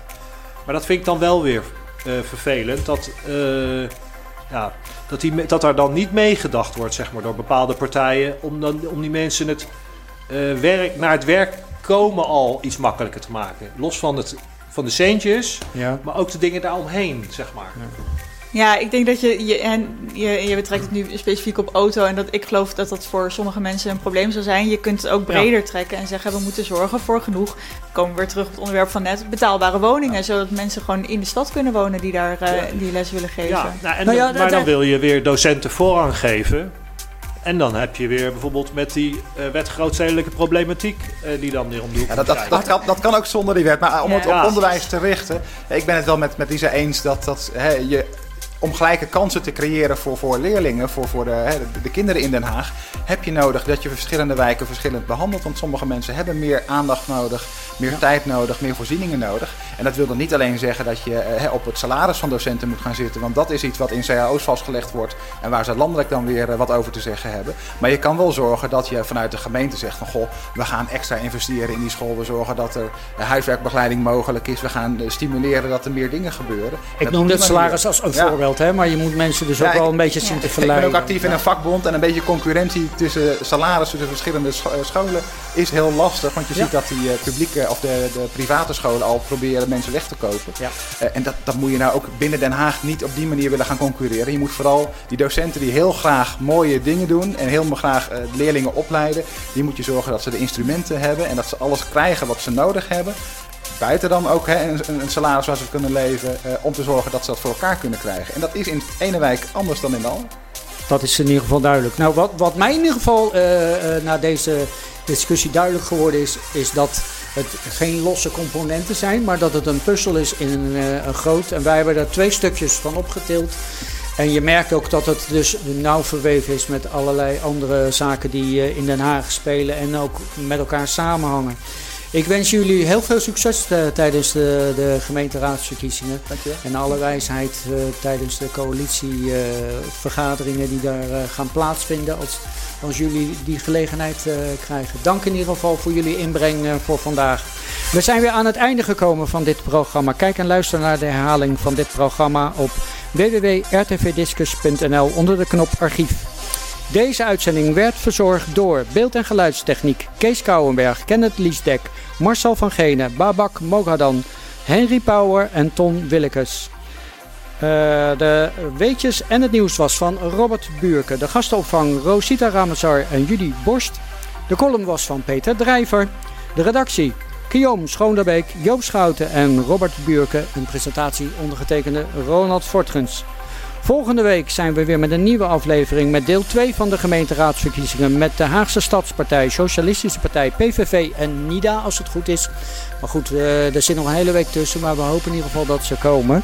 Niet zoals de VVD die zegt ik kom en we toch dan niemand. Dat is wel jammer, want ja, geen inbreng, geen, geen reclame voor zichzelf. Dus eh, meer informatie kunt u vinden op onze website www.rtvdiscus.nl.